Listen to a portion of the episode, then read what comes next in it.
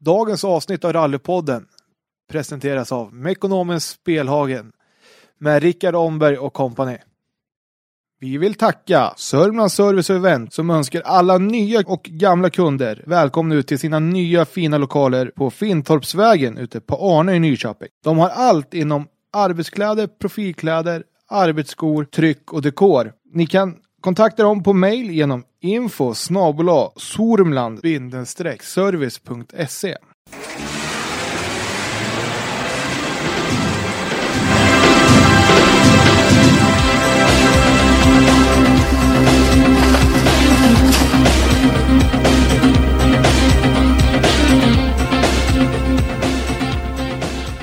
Hej och välkomna till Rallypodden.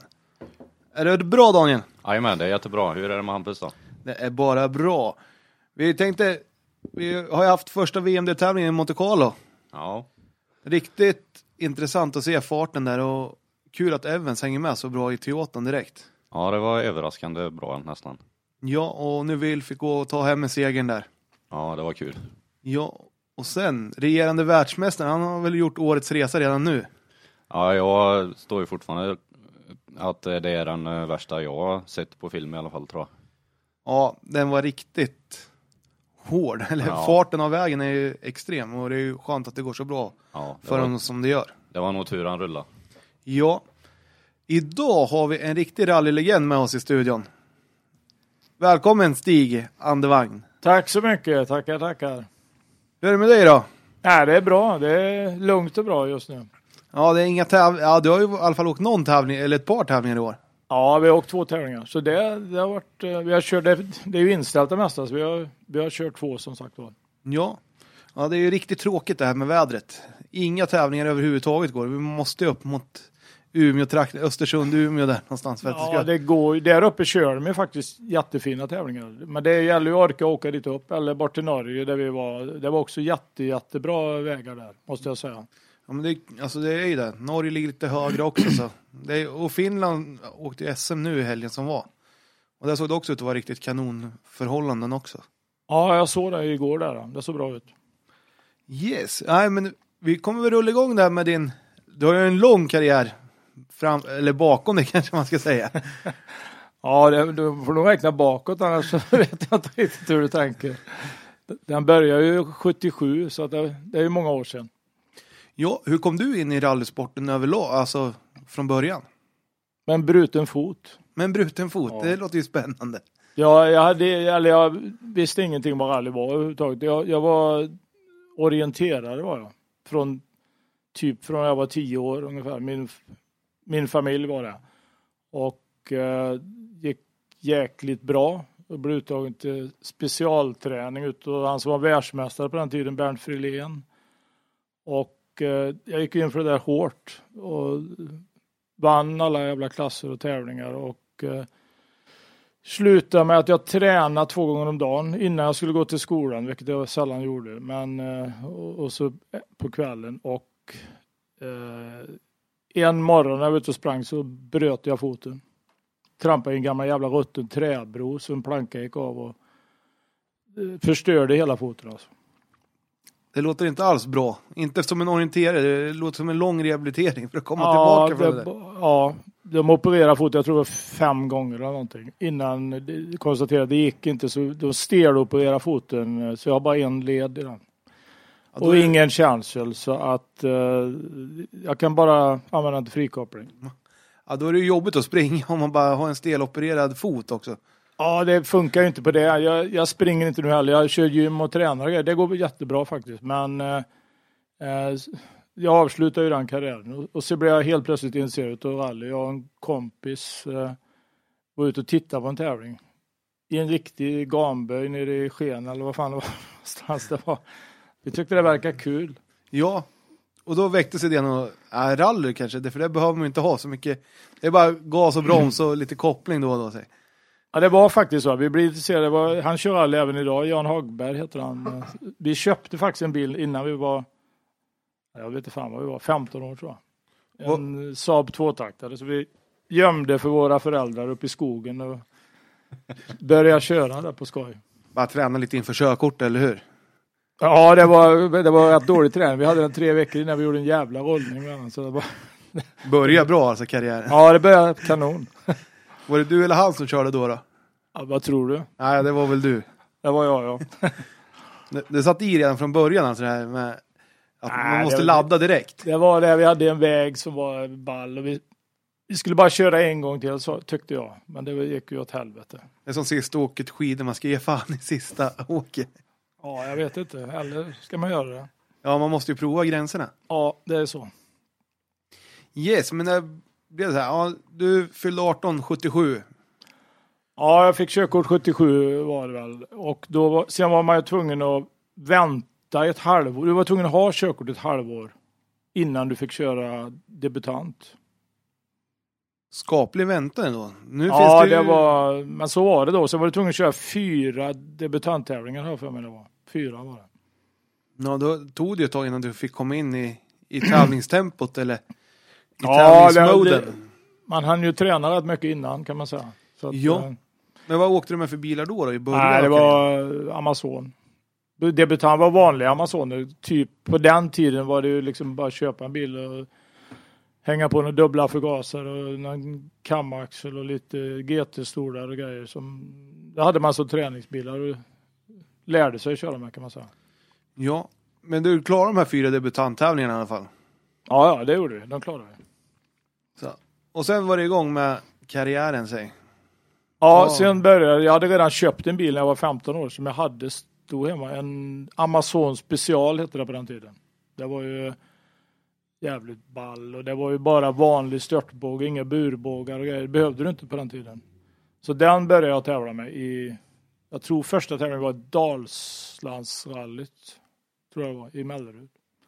Hade du med dig den här kompisen då som du var, hade varit ute och tittat med då i högerstolen eller hade du hittat någon annan som skulle åka Nej, med? han, han var inte, han körde ingen rally på den tiden. Det gör han ju nu med det Appendix K. Men eh, nej, då hade jag med, eh, jag kommer knappt ihåg, men så jag hade, jag hade rätt många som åkte med kan man, kan man lugnt Ja, men det kommer komma in lite senare på tror jag, det här med kartläsarbiten. Jag kommer inte ihåg vem som åkte med första tävlingen faktiskt. Jag tror det var en annan kompis som eh, eh, blev enduroförare sen. Jävligt bra. Men det är, alltså, det är kul när det blir kompisgäng. Många har ju kommit in genom familjen och sånt, men ni var kompisgäng som drog igång det här med rallyt alltså. Det var, det, var- det var ju kompis på den tiden var det kan man säga. Och sen var det ju inte alls, fan man åkte ju i tävlingsbilen på vägen till tävlingen. Gjorde vi den första gången. Eller det blev inte så länge vi höll på med det för det, blev, det gick inte att köra hem. Nej, det blev lite jobbigt då när man hade stått av vägen kanske. Ja. det gjorde det. Men var det ja, 78 då? Var det då du tänkte att ja, nu ska vi satsa helhjärtat på det här? Eller var det fortfarande, ja men vi åker lite när vi känner för det? Nej, då, nej, jag satsade direkt. Men då gällde det ju att bli, försöka bli A-förare. Och på den, jag, jag, jag kommer inte ihåg, det var vissa poäng och det var 10 poäng du skulle ha i C innan du klassade upp dig till B och sånt där. Och Jag, jag vet i alla fall att jag kom till, jag skulle kunna bli A-förare, men då var det bara en, jag tror det gick 30 december eller något, en jävla tävling uppe i Nora. Som var typ 25 grader kallt. Rally Explosive tror jag det hette. Och- Ja, det var sista chansen eller Ja. något där. Eh, Den körde vi och då tänkte jag nu jävlar måste vi eh, få till det här va. Det slutade ju med en rullning på sträcka 1 jämte Ola Strömberg. Ja. Han låg i samma jävla böj men så han liftade, vet han nog inte om själv. Han åkte med mig bak, min bil fick vi igång så han åkte sträckan ut där bak. Och sa kör sakta, kör sakta, kör sakta bara. Och det gick bra hela. Nej, vi fick ju bryta sen Ja. så vi, det blir inga poäng uppklassning. Det blir nästa år. Ja, men alltså det, du har ju ett känt förflutet med det här med att du kan ju verkligen sätta riktigt snabba sträcktider. Var det den så från början här? Ja, det tror jag det var. Det var det. Jo, det jag satsade nog betydligt mer förr i tiden än vad jag gör idag kan jag säga. Så det var ju det var vinna eller försvinna var det. Det är lite dyrare bilar du har nu med, jämfört med förr också. Ja, det är inte jämförbart. Det, på den tiden gick det jävligt bra. Jobba och alltså det gick att köra för småpengar jämfört med idag. Även om du räknar om valutan så är det, det, det tyvärr är det så. Tyvärr. Ja, det fanns mycket enklare insteg i, i sporten om man säger. För er när ni var yngre. Och du hade inte samma krav, alltså samla reglemente heller, utan det fanns enklare bilar att åka. Nej, så var det. Det var ju nästan alla Volvo och Saab åkte ju alla och det var ju väldigt, väldigt nästan likvärdiga bilar. Det var ju inga större skillnader. Så det var ju jävligt kul och sen var det ju liksom startfältet var ju fan eh, 250 bilar väldigt ofta. Ja, och hur var, alltså vägarna man har sett så är det ju, ni åkte på kanske sämre vägar, men det var ju exakt samma, te- eller tempo kanske inte var lika högt heller, men det var ju ändå, det var ju bra ladd när ni åkte. Det var bra ladd, det går inte att jämföra. Alltså det är ju jättehögt tempo idag, utan tvekan. Och det är ju helt andra bilar. Det, det, är ju, det blir ju orättvist att jämföra det. Och sen var det ju allting onotat. Eh, så det var ju liksom, eh, du hade ingen aning. Och det var ju jävla bra sätt att lära sig köra bil, skulle jag vilja påstå. Det kan jag förstå, och sen vet du det, man lär sig lära, läsa väg också, för det tror jag många av de yngre idag har svårt att göra. Ja, det, det förstår jag att de har. För att det är ju, du var ju tvungen att lära dig att läsa väg då. Och, och även chansa en del. Men det, du reder ut problem mycket bättre om du är... Det blir en annan åkstil kan man säga. Du åker med noter då, då liksom eh, lägger du in bilen efter vad noten är. Och det, det gör du inte riktigt på onotat. Då måste du... eh, Det blir en annan åkstil. Gör. Åka lite mer förställ, alltså Ja. komma på sladd in i svängen för att kunna hämta hem det kanske. Ja, så är det ju. Det går ju saktare men det blir ju mera safe kan man säga om du åker onotat. Det går inte bara att ha fullt över ett krön. Då, då går det sådär. Ja, det går. Till skogs oftast. Mm. säger. Men då missar du uppklassningspoängen där då, i Nora. Ja, jag missade dem där, men jag tog upp dem ganska snabbt nästa år sedan. Har jag för mig. Det var nog... Det började med några rullningar eller något, men jag, jag, jag klassade upp mig till A-förare sen. Ganska fort. Ja, det, det är många rullningar här. Men hur, vet du hur många bilar gick åt där innan du blev A-förare? Ja, Det gick inte åt så jävla många rally, men det gick åt 22 Amazoner innan jag var 20 år. Ja, men då pratar vi sådana här vanliga 123 GT och sånt som man det är väl preskriberat nu, men de, de rullar man på icke-tävling också ibland. När man var ute och tränar lite. Men det är, där- man lär sig av träning, eller hur? Ja, det är enbart av träning. Jag, jag, jag körde jävligt mycket bil. Jag, jag lärde mig att jag gjorde ett jättemisstag. Som jag, alla de här jävla rullningarna, jag analyserar alltid väldigt mycket efteråt. Och då var det alltid det här, kommer jävla ställ in i en böj, slår i bakhjul eller bakänden. Och vad händer? Fullt styrslag åt det håll du har sladden och pang så väller bilen över och du rullar. Du måste liksom lägga över ratten innan, när du ser att det går åt helvete, lägga över åt andra hållet. Och det var inte lätt att lära sig. Nej, det kan jag tänka mig. Man, man har ju någon inskrivet i hjärnan att jag ska styra emot så länge det går. Ja, jag, jag fixade en egen väg som, som jag tränade på. Och körde med, medvetet körde av vägen alltså. Och slå i och rulla. Allt möjligt hände. Men du lärde dig till Ja, jag slut. lärde mig det till slut. Och nu Cool. känner jag att det sitter jävligt bra. Ja, än, men- än idag faktiskt. Men det är ju riktigt kul. Alltså, då, då har man ju lärt sig något av sina misstag i alla Ja, fall. jo, men det är nog nödvändigt tror jag. Ja. Men du, du har ju fantastiska resultat om du lyckas bli avförare rätt snabbt där. 79 då. Ja, så körde vi väldigt mycket biltävling på den tiden. Jag körde som mest 44 tävlingar tror jag på ett år.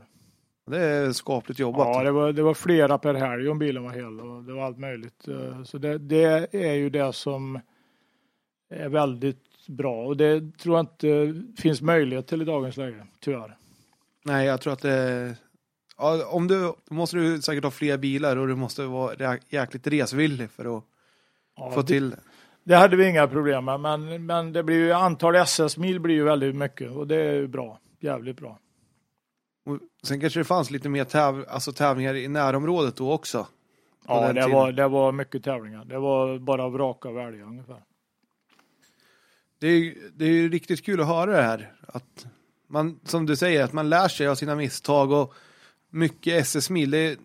Många är ute nu och tränar noter ser man på Facebook och sånt. Men du tränar ju på att verkligen ladda. Ja, jag gjorde det. Sen, sen förstår jag att idag så funkar ju inte det. Vi, vi körde ju på vägar där man inte kanske fick köra. Eller vi hade ju kontakter så vi, en del marker ville vi låna vägar kan man säga. Och det var ju, gick ju ganska vilt till. Det hände ju mycket saker. Ja, och det är ju mycket svårare idag att få till något sånt med markägare eller och ha sådana bilar och kunna träna med också. Ja, så, det, så... det är nästan omöjligt. Idag, jag, jag, testar ingenting idag i princip, noll. Alltså jag, vi lägger inga pengar på att hyra vägar och grejer och köra utan vi, det är som jag säger till Robin, vi testar när vi kommer till sträcka ett. Då får vi se hur fan det känns. Ja, men sen blev det ju, när du skulle gå ifrån Amazon, hur, hur tänkte du då? Var det något?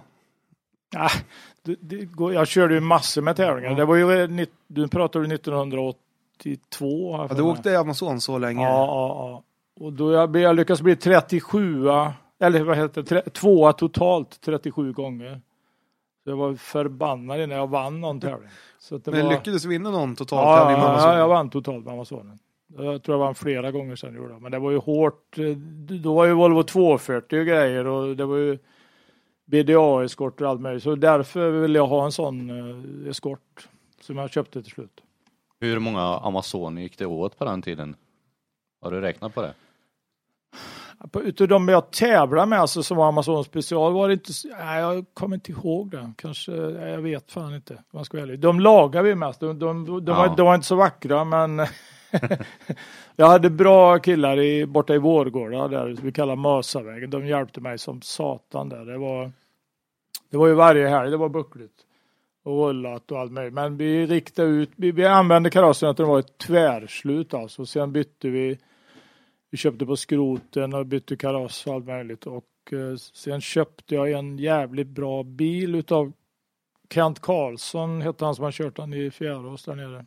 Eh, som var riktigt bra byggd med P1800 bakaxel och grejer. Den var ju fantastisk. Den. Det var en jättebra bil Amazon. Det, det var en extremt bra bil att köra när vi hade bra motor i slutet. Där. Jag hade fri motor från Alleman Jakobsen. Den, den gick, jag tror den gick 40 tävlingar utan minsta problem och jättebra effekt. Och, eh, eh, så då var det väldigt roligt att åka. Ja, det är kul när man hittar sådana samarbeten och att det bara tickar på att bilen funkar hela tiden. Och att man inte behöver byta på tekniska skäl. Nej, det, var, det höll bra. Det var bakaxlar och sådana grejer som gick sönder lite. Men det, det bytte vi ofta bak och grejer. Så att det var eh, det- var jävligt bra bil. Och den styr in väldigt bra en Amazon. Jag provade även 140 eller. Jag tyckte Amazonen var bättre. Den gick att åka, på den tiden pratar vi nu va. Det gick att åka jävligt fort med den ändå. Ja, och åkte du någon speciell serie eller var det så här strötävlingar och åka, åka, åka eller? Nej, det var alla möjliga tävlingar. Det var JSM åkte vi väl eh, sen har jag för mig. Jo, det gjorde vi. Och hur såg SM ut på den tiden då jämfört med nu? Ja, JSM åkte jag. Jag blev tvåa tror jag efter, jag för mig det var efter Mikael Eriksson. Jag träffade honom i lördags. För, jag har inte pratat med honom på 20 år eller något, så det var lite lustigt. Eh, och det var ju, jag kommer inte ihåg hur många tävlingar det var, men det var sex i den serien. Eh, och SM-tävlingar som du pratade om och frågade om här som vi åkte, de var ju jättelånga. Det var typ Smålandsrallyt har jag för mig någon hette den. Jag vet inte fan om inte den gick i tre dagar eller någonting. Det var och Östgötarallyt hette väl någon, Dex Däcks Östgötarally. Den var ju också sån här minst två dagar och då pratar vi inte kontorstid utan det kör man ju på natten också. Det är det, det, är ju det som är jävligt kul att köra i mörker. Ja, det, för det, det som du säger, uppläggen var ju helt annorlunda. Man startade ofta senare va? och åkte mycket mer på nätterna för. Ja, Du åkte hela nätterna ibland nästan här för mig. Jag, jag kommer inte ihåg exakt men det var ju långt också. Det var kanske 80-90 mil eller någonting och sen var det då vad kan det ha varit 25 mil SS eller något sånt säkert. Och då gäller det verkligen att ha ett bra serviceteam som, som kan ställa upp. Och, Ja. Och var det service efter varje sträcka då? Eller? Ja, det är det som jag saknar idag. Det, det var jävligt bra för du, du kunde ju liksom eh, åka av ordentligt eller buckla till. Men du hade service. Idag va, om man gör någonting så är det ju antingen lastar man och åker hem eller så har man en jävla tur. För du, det gäller ju att ta det tillbaka till service också. Idag är det ju ingen service mer än centralt kan man säga. Nej, det är ju ofta, alltså, ofta så är det en eller två serviceplatser på ett rally. Och det är väl både, nej, det är väl positivt för trafiksäkerhet och sånt, men för, som du säger, det, det försvinner ju mycket fler som får bryta rallyt på grund av att man kanske har kört en dubbelpunkt. Det hände ju inte förr. Att Nej, det hände ju, det, du fixade ju det efter sträckan då i så fall. Så det var, det var ju jättebra tyckte jag. Men det, jag förstår att det är svårare att ha det så idag. Men om man tittar på VRC, hur många jävla startar inte om och grejer. Det är ju, det är, jag tycker det är lite halvjobbigt. Jag skulle själv inte, jag gillar inte det. Om du har fem, tio minuters tillägg, det är ingen idé att tävla vidare. Är, du kan lika väl åka hem alltså. Ja, det är väl det sista där på powerstagen som man kan samla ihop någon extra poäng som kan bli viktig i slutändan i sådana fall. Ja, det är ju det de gör. Så det är det, jag förstår ju att de måste göra självklart. Men som privat är det ju ganska ointressant. Ja, det förstår jag också. Alltså, det kostar mer än det smakar då.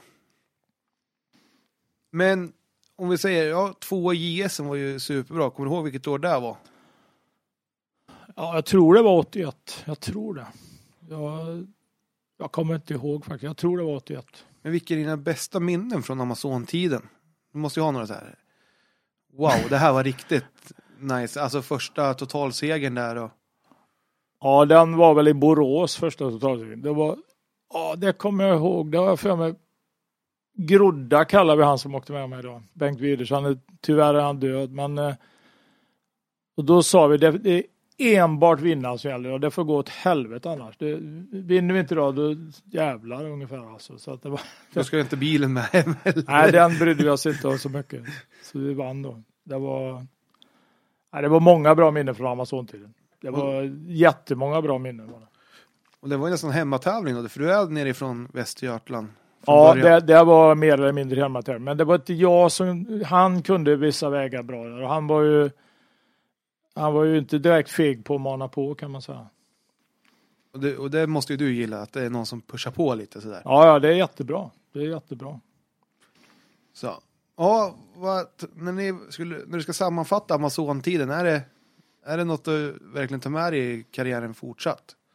Ja, utan tvekan, det var, det var jättekul alltså. Det var ju liksom, det gick ju att hantera ekonomiskt också ganska bra. Väldigt bra får man så säga. Och eh, det var så jävla mycket bilåka för pengarna. Det var ju liksom hela tiden kunde åka bil. Och liksom vi mecka hemma och grejer, ut och testa borta i skogen här. Och det, det, det funkar ju att åka mängder av SS-mil som jag sa innan. Och det är där farten kommer på riktiga SS, när du tävlar mot andra, kunna jämföra lite och så också. Ja, det, var, det, det, det är inte jämförbart i dagens läge. Nej. Och sen hade du ju, vet det, hade du testat på någon utlandsstart här med Amazonen någon gång? Eller var Nej. det bara inom Sveriges gränser? Nej, det var bara inom Sverige. Det var, det var väl grunden till att jag kom med i juniorlandslaget tror jag, med Amazonen. I, där. När kom du med i juniorlandslaget? Jag kom med i det första som bildas någonsin. Det var väl åt, fan var det 82 tror jag va? Var det? Ja, Mm. det- för jag såg någon bild där det var du, Mats Jonsson, Susanne Kotelinski, Torp. Torp och sen var det en till. Men, Lasse Högström tror jag. Ja. Mm. för ni var ju fem stycken där. ja. Och hur var det att komma med i landslaget? Det måste ju ha varit wow-känsla också. Ja, det var otroligt bra. Otroligt bra. Först tänkte jag så här, ja fan det verkar ju lite halvkrångligt här. Det var massa intervjuer och grejer, men det var det var enormt bra för det var Bo Svanér och Anders Kulläng. Och då pratade vi så här att vi fick ekonomisk hjälp till om vi körde större tävlingar. Och då, då pratade vi inte att det var 200 kronor eller något, utan det var ordentliga summor. Och sen var det eh, typ möte eller kurs, träningsläger kallas det uppe hos Kulläng. Och det var ju, där vi pratade om att det handlade om att åka rally enbart, inte så mycket runt omkring utan det var vi var till och med ute och körde på nätterna på avstängda vägar i full fart alltså. Och trigga varandra och ljög. Fan vad sakta du, vad dåliga tider du hade. Han var ju mer snabbare. Det var, det var nästan till livsfarligt där uppe i skogen.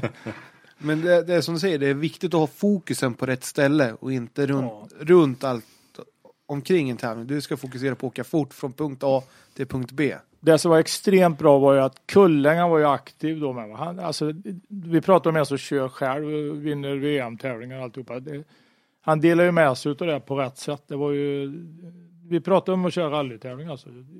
Sen det här med sponsorer och grejer runt omkring. Det, det var också inblandat där på rätt sätt. Så, så det var jättebra den tiden med juniorlandslaget. Enormt bra.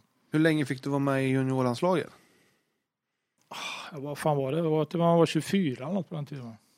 Jag tror det var det. Jag, jag kommer knappt ihåg det. Ja, jag har för mig det var till 24 eller max 25 eller någonting. Ja, men det, det låter ju rimligt att det är runt om krokarna där.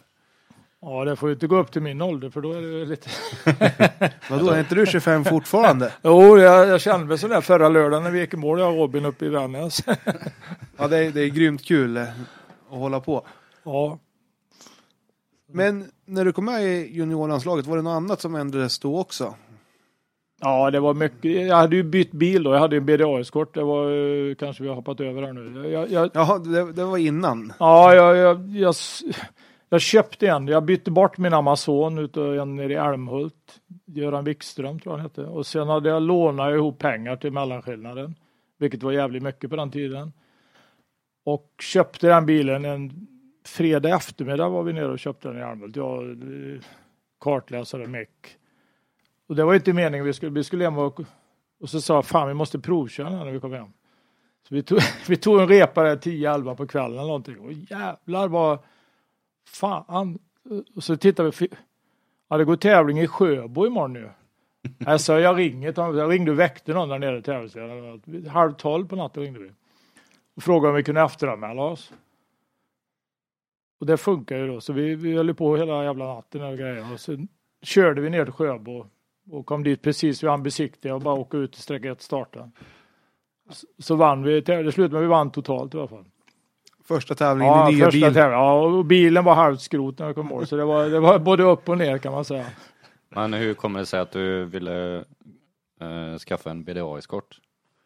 Nej, det var ju, jag såg ju vilka som vann tävlingen. Bengt Ja. Torssell och din polare bland annat. Fan, det var ju chanslöst att hänga med dem. Så det var, det var ju högst på önskelistan kan man säga. Ja. Ja, Bengt är ju från mina trakter i Skara där. Pappa åkte med han eh, några tävlingar på 70-talet. Ja, just det. Just det. Ja, han har haft många fighter med nere i Skaraborg och runt där. Ja. Men då, när ni släpper, he släpper hem bilen då från, från segern där, då måste det ha varit e eufori i kroppen. Fan. Ja, det var, det var ju helt annorlunda. Det var ju liksom, man blev fartblind i den här bilen. Det vet jag. Vi, vi åkte lite väl hårt där nere så att det var, det, det var jävla lyft. Sen körde vi även JS. Det kan ha varit det året jag blev tvåa efter Torp eller något. Jag, jag kommer inte ihåg faktiskt. Jag vet att jag vet att jag var tvungen att vinna sista tävlingen. För det kan ha varit 82. Och det var ju Örebro Reimerallyt eller något hette det va? Det var ju 300 startande tror jag eller någonting. Ja, Eh, de hade ju två där, Reimerallyt och ASG. Ja, det var Reimerallyt var det. Och första sträckan var, eh, för det kommer jag, in, det kommer jag ihåg, att då var det varnat. eh, Vi var tvungna att vinna. Vi hade kört av kardan på test kvällen innan, så vi hade som vanligt meckat hela jävla natten och kom till Örebro och han precis besikta innan de stängde. Och så började kartläsaren, ja det är varnat här för det och det. Alltså stryk alla jävla varningar, vi har inte tid, vi vill inte höra talas om sånt om vi ska försöka vinna tävlingen. Så det var ju mitt fel alltihopa. Och det var varnat för någon jävla gupp på sträcka ett. Det stod video, st- varning stod det så här, upplyst område eller någonting. De filmade där. Tror jag. Och där eh, åkte vi av sin i helvete. På, på någon soptipp i Örebro eller vad det var för något där. Så att vi, vi, slog bort tre hjul och hamnade 80 meter in i skogen. Och Torp startade bakom mig. Det kommer jag ihåg för att i målet där så hade han frågat vad fan vi hade för tid. Nej, Han har inte kommit. Och det måste han ha gjort för han hade inte sett bilen. Så det var, det var Då var man nästan, nästan komiskt. Ja, då var man långt av vägen sig. Ja, det är bra. Då behöver man inga trianglar med sig och sånt där skräp. Exakt. Så. Nej, men det måste ju ändå kännas att ja, Torp var ju ändå en riktig ikon inom svensk rallysport och Ja, vara två efter honom så måste man vara att man är inte nöjd när man inte har vunnit men Nej, vi ju krigade, vi vann över honom flera gånger också, men han, kör, han var ju extremt, eh, det var ju för jävligt att han omkom. Han, han var ju extremt duktig. Speciellt var han ju extremt duktig när det var dimma och dålig sikt och grejer, kommer jag ihåg. Ja, och det på hösten så där kan jag tänka mig att det är mycket dimma och sånt och som ni åkte på kvällen och nätterna så är det väl det blir lite an, annan luftfuktighet och allt sånt då också så det blir lite Ja, mer det är mycket sånt. Jag gillar också, jag, det är nästan min specialitet också att åka i mörker om man ska ärlig. jag, jag tycker det är, jag tycker det är häftigt på något sätt också. Så jag, jag tycker det är jävligt kul faktiskt. så mer, mer mörkertävlingar i Sverige. Ja, det, det vill vi gärna ha. Men om vi fortsätter då till nästa steg, alltså till nästa år i karriären här? Ja, vi fortsatte med eskort. Vi vann ju massor med tävlingar så Ja. det gick ju jävligt bra med den. Eh, Problemet var ju så här att eh, pengarna började ju ta slut rätt fort med den bilen. Ja, men det kan jag tänka mig. Det var inte lika enkelt att åka och hämta delar och grejer på skroten där till en fabriksbil som det var med Amazonen. Det höll inte heller. Motorn gick sönder varenda jävla tävling nästan. Blockpackningen gick. Det var, det var så dålig konstruktion på den tiden i, i blocket. Det var, utan att gå in på lång story, så var det lösa foder, cylindrarna. De sjönk. Och då gick packningen. Så det var mer eller mindre efter en eller två tävlingar max var du var du tvungen att renovera motorn. Det kostade skjortan. det. Ja, det var inte som Amazonen med 40, 40 tävlingar utan Nej. du var tvungen att skicka iväg efter varje race alltså. Ja, vi, vi hade några i Sverige som gjorde så, men det var, det var det kostade stora pengar att åka med. Så att, eh, men vi fortsatte, vi åkte, jag åkte eskort ända till 85. Ja. Men sen har du blivit kontaktad av Ford här någon gång Ja, men jag körde, vi körde först med min, den jag köpte Ja. i Sverige, den eskorten. Den var inte så bra byggd. Den, den höll inte måttet kan man säga. Och då, när vi var med i juniorlandslaget så bör, då körde jag eh, Jyväskylä första gången. Med min egen bil. Och den, vi bröt där, det var en jävla tävling också. Det var ju, det- på den tiden fick man ju reka i flera veckor innan. Så det var ju, det var ju vi bodde i tält där borta och vi hade fan inga hotell, ingenting. Det, vi, vi, vi satsade allt alltså. Jag läste något på Svarta Masken där att ni bodde typ i tält för att kunna köpa fler däck eller någonting. Ja, ja, vi, vi, vi, vi bodde, när de kom, vi, vi bodde ju i bilen jag och Ja. kartläsaren, eller en sov utanför en, eh, i en sovsäck eller någonting, parkbänkar och fan vet allt. Så det, vi, var, vi var uteliggare och Men ändå har- i världstoppen. Det är ju rätt cool. ja, vi hade ingen budget i princip. Så det var, det var, ja det var jävligt cool var det faktiskt.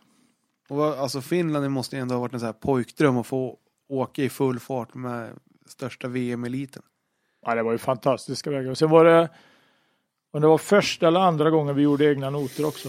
Vi hade ju ingen erfarenhet av det. Det var ju Kullängen som lärde oss. Eh, Bruno Berglund. Jag hade lite svårt för han hade så mycket grejer med sig. Jag, jag lärde mig själv rättare sagt. Eh, med via tips från dem. Så vi gjorde dem. Jag har alltid gjort så jag, som jag själv vill ha dem. Och det är jävligt enkelt jämfört med många andra. Och vilket år är det här då? Det är 82. 82. Mm. Alltså det är jättetidigt med noter. Ja, När men börjar man- eh, det, det, det fanns inget att välja på. Vi Nej. ville åka i Jyväskylä för att göra noter. Det, det är ju det som är idag. Om, om inte någon kan göra noter och ska åka utomlands, då är man ju lost alltså. Det är ingen som... Eh, Bart åker inte med dig i baksätet där borta gör dem. Nej, du, du måste ju ha ett eget huvud och veta själv vad du vill ha in i en sväng för någonting. Ja, exakt. Men Jyväskylä och sen fortsatte ni här hemma och åka så mycket ni... Vi åkte Kunde. allt vi orkade hemma det och sen åkte vi även RAC då som jag sa. Vilket vi skulle åka ett par veckor efter vi kraschade där i Örebro. Och det åkte vi också med den bilen. Då gick den sönder igen. Då, då ruttnade jag på den jävla bilen. Vi har lagt ut alla pengar. Så då till nästa år, eh, då fick vi bra support ute i juniorlandslaget. Och då tyckte ju eh, Kulläng och Sven att jag skulle ha engelsk kartläsare. Jag hyrde en bil i England.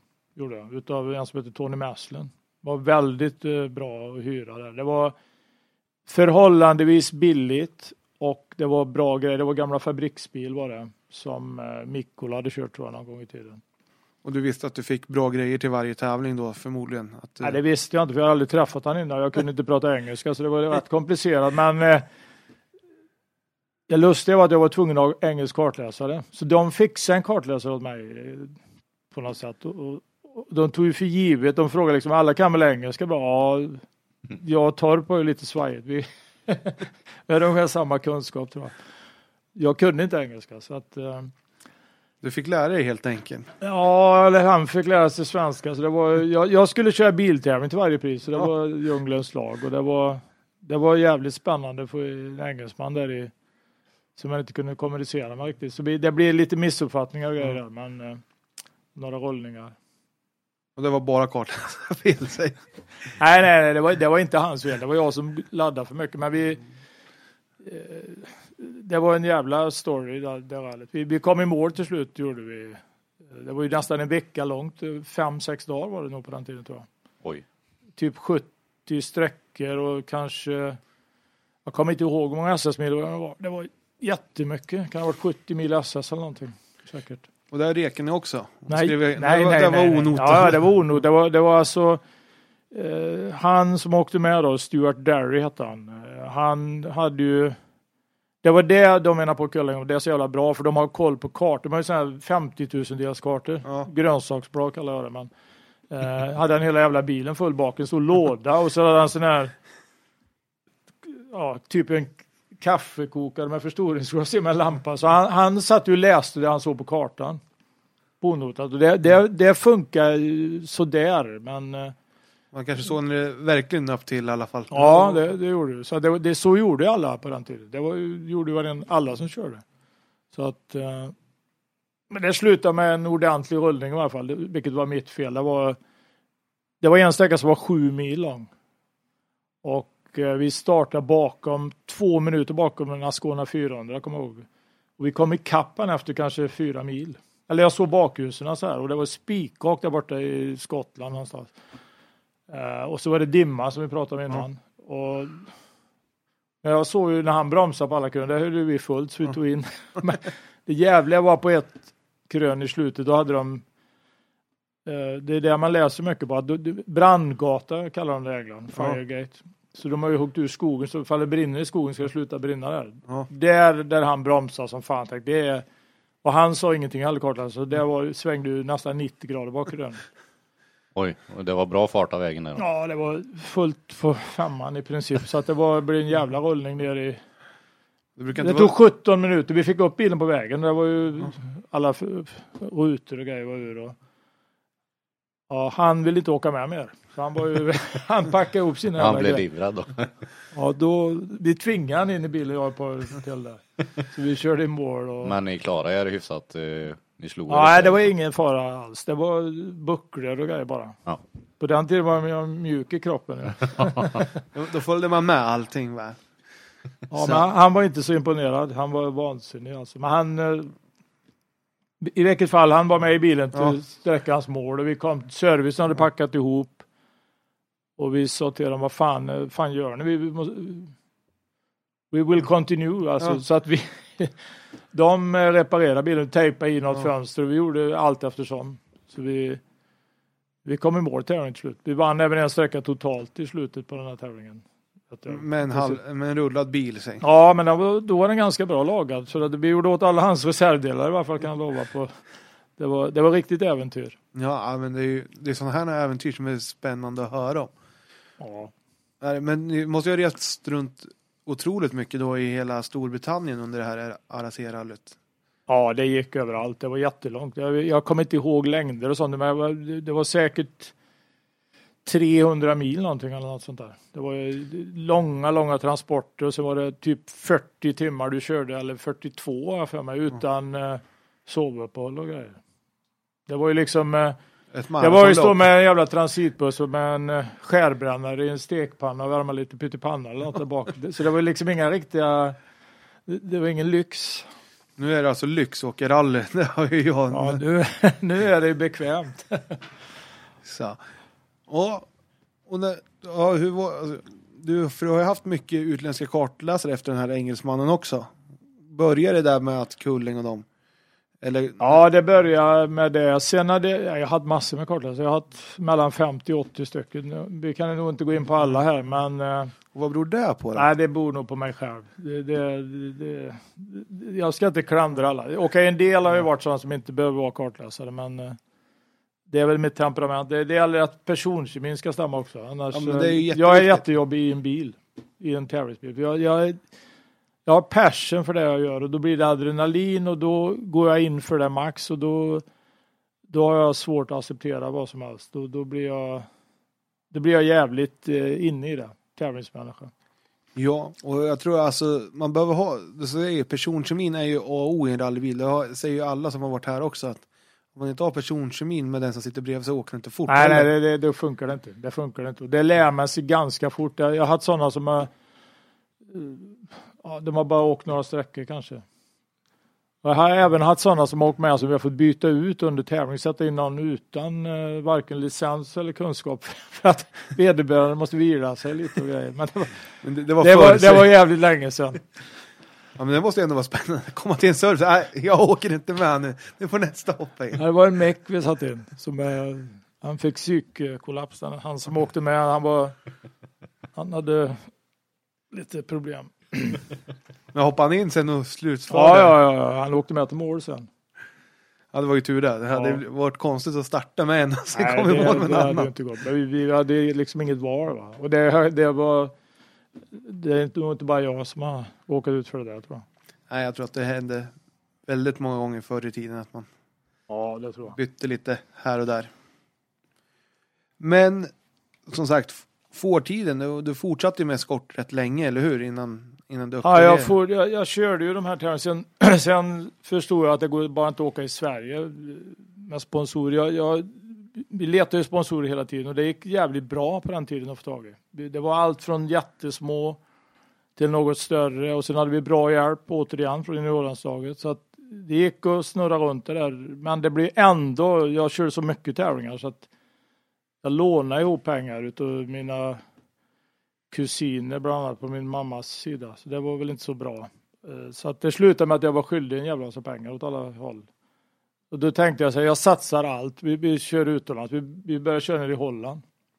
Vi hade ingenting. eh, Vi, vi satsade rubbet alltså åkte där nere. Och Hur, var, hur är vägarna i Holland? För det, det är ju inte något så här vanligt rallyland man hör talas om. Nej, det var ju en jävla... Det var någon som hade kört någon från Borås som sa det är skitbra, kör ner där och kör. Så det, det, ja, det är rätt... Det är ju ett platt land. Det finns ju inte ett jävla krön i hela Holland nästan, eh, höll jag på att säga. Så att det är ju... Det är kanaler och asfalt och lervägar. Eh, men det är väldigt svåra tävlingar ändå. Om du ska vinna dem i alla fall så är det, krävs det att du gör rätt. Det är mycket tricks och grejer. Och, så att, men det gick, det gick bra där i början och där kom sponsorerna till dig. Det var inte att du behövde söka upp dem. För det var det tv som filmade också. Så det var tv-sändning och det, var ju, det är ju värdefullt. Det är det det handlar om. Och det, måste vara, alltså det kanske inte var så mycket utländska chaufförer som var nere i Holland och åkte heller, utan du kom som en... Det, och jag- du har ju alltid haft en fröjdig stil att titta på ute i skogen också. Ja, det var nog det som var bra där nere. Nu man sladdade lite på asfalten. Eh, Det, det var liksom eh, riktade ju media eller publicitet på tv och grejer och då det vet jag, vi blev uppsökta efteråt. Va? Men, men då började vi svensk kartläsare och jag var svensk och vi körde. Då, eh, jag, jag blev kontaktad där nere utav en kille som åkte med jävligt mycket sen som hette Andres Skunnewolf och han var, oh, han var som en manager och kartläsare också. Så han eh, raggade ihop sponsorer och grejer. Även svenska sponsorer, Sandvik och grejer. Och det var, eh, så då började det riktigt bra. 83 hade vi kanske inte allting, men 84 då fick vi hjälp av Ford Holland. Då pröjsade de allting, inklusive hyra och alltihopa. Och sen fick jag ett kontrakt till slut utav dem. Det måste vara superkul alltså. att se att nu när jag verkligen satsade allt så gick det ju verkligen vägen måste man ju säga. Att, Ja, det var, det var helt sjukt bra. Det var, det var perfekt var det. Så att det var, eh, det kunde inte bli bättre. Men varierar du tävlingarna med Holland och Sverige eller åkte ni i samma bil eller hade du en i Sverige och en i Holland eller? Nej, jag varierade hela tiden sen för att köra så mycket bil som möjligt. Även när jag hade fabrikskontrakt där nere. Jag körde tre år med tre olika bilar då. BDA 84, 85 körde vi en skitbil om jag ska vara riktigt ärlig. Eh, framhjulsdriven eskort, den höll aldrig. Och 86 körde vi RS200. Och Ja. det skulle vi fortsatt, men det blev förbud på de bilarna när, Ja. när Toivonen körde ihjäl sig. Så det var året ut. Och då, så jag körde i Sverige också samtidigt. Ja. Ja, för du hade ju någon i Sydsvenska med, vem var det du slogs med där? Det var ju, Ja, det var... för det blev två. Ja, men det var med RS200, Stig Blomqvist. Ja. Ja. det stämmer. Ja, För där fick du inte pusha fullt Nej, ut. det var... Det, det var mycket som hände även om vi var fabriksförare. Det var... Jag körde ju för Ford Holland. De betalade min, Mm. alltihopa. Det räddade hela min ekonomiska situation. Och, och, och då hade vi en manager där som bestämde egentligen. Men så var det från England, engelska, från fabriksteamet, det var det en, eh, eh, snubbe som heter John Taylor som jag aldrig kom överens med. Så att det var ju han skulle styra och ställa allting och det var och vi var ju, jag var ju testare, jag körde rallybil varenda dag nästan då. Jag var i England på veckorna och provade den här bilen och vi, vi ändrade som fan och grejer och så skulle han ändå lägga sig på tävling, typ South Swedish om det var Mm. den du ville veta nu. Då var Ja. det så här innan start, då hade vi en egen jävla testväg vi hade hyrt där nere, någonstans utanför Kristianstad. Då rasade jag växellådan i min bil. Och det fanns ingen i reserv med samma utväxling. Så det var ju nackdel. Jag fick lägga i en så bilen gjorde över 200 någonting, vilket inte behövdes. Ja, där nere svänger du ju rätt Ja, mycket. det var, det var för hög slutväxel mot vad Stig hade, men skitsamma. Och då la han på breda däck på min bil fram. Och vi skulle köra neråt Sjöbo, där är ju jordvägar. Nu kan inte jag vad alla jävla vägar heter, men det var det var faktiskt en sträcka jag körde i Simrishamn för några år sedan. Jag kände igen mig. Jag åkte med RS200. Jag kommer inte ihåg vad den heter. Ja.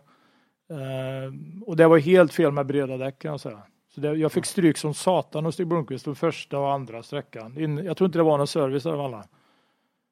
Eh, och han bara sa liksom du ska köra på dem och Stig körde smala däck. Så, jag, så jag bytte ju efter det. Jag sa till jag ger fan i dina jävla däck. eh, Lägg på smala bara. Va? Så det blev det vart ett jävla liv. Och då vann jag tre sträckor. Så efter dag ett tror jag det skedde 15-16 sekunder eller något. Och så hade jag en håller, det var ju onotat på den tiden Ja. Jag hade en holländsk kartläsare, det var ingen rek, ingenting sånt.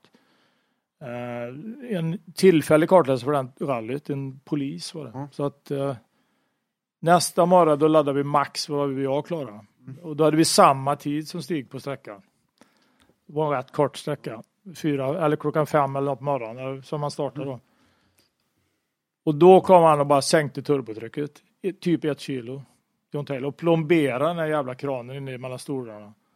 Och sa nu, nu har du lekt färdigt alltså. Så att, Men vad, varför gjorde han så? nej, jag det, det, det, jag vet inte. Han ville inte jag skulle. Jag hade inte vunnit det här då. Stig Blomqvist var ju fan, han kö- körde ju vunnit garanterat. Va? Men eh, jag hade åkt betydligt fortare. Så jag körde med det här. Det gick inte att köra bilen efter det. Det var helt okörbar. Ända till vi åkte av som fan och slog av en björk. Eller vad vi gjorde. Snurrade runt i luften. Och hela bilen var... Engelsmännen lyckades lappa ihop det. Och då sa jag till hans efteråt alltså att vi vred upp den där kranen i max. Vi gav fan i vad han sa. Ja. Det, det, vi körde ihjäl som vi ska åka med den här skiten. Ja, det var inte några Nej lättkörda men då var, det, då var det det här vanliga. Då fick man sparken på plats. Mhm. Då sa han okej det är din sista tävling. Sa han det till dig då? Ja, det, var, det, det hände tre, fyra gånger när han var med. Oj. Man fick sparken under tävling, så återanställning efteråt om det gick bra. så så det, var inte, det var inte någon dans på rosor kan man säga. Men det är inte lätt att vara professionell rallyförare, det hör vi. Nej, men jag, jag var väl för uppkäftig också. Men han, han var väldigt jobbig. Så det, det var tufft. Men det är ju helt annorlunda idag. Det är ju, det är ju extremt. Då, då gick det ju få styrningar om man gasade lite grann. Det var, det var jävligt eh, bra ändå. Var det. Så att vi vann många. Vi vann eh, det vi skulle med den bilen. De betalade mig för att jag skulle vinna, inte för något annat. Och då är det ju så här. Börjar köra med medvetet med fel däck och grejer. Det går ju fan inte att hålla på med. Nej, då, är det ju, då blir det ju inte roligt. Nej, så Så vi blev du som har som vinnarskalle också. Jag förstår ju din frustration då när det kommer någon gök från England och säger Nej, nej Stig, nu får du lugna ner dig här. Jag skruvar ner den här lilla grejen här. Ja, men det var inga problem efteråt. Då sa han bara, ja det var fan bra kört ändå. Vi körde upp, vi ramlade ner till fyra, att du körde upp förbi Valdegården med, så vi blev tvåa.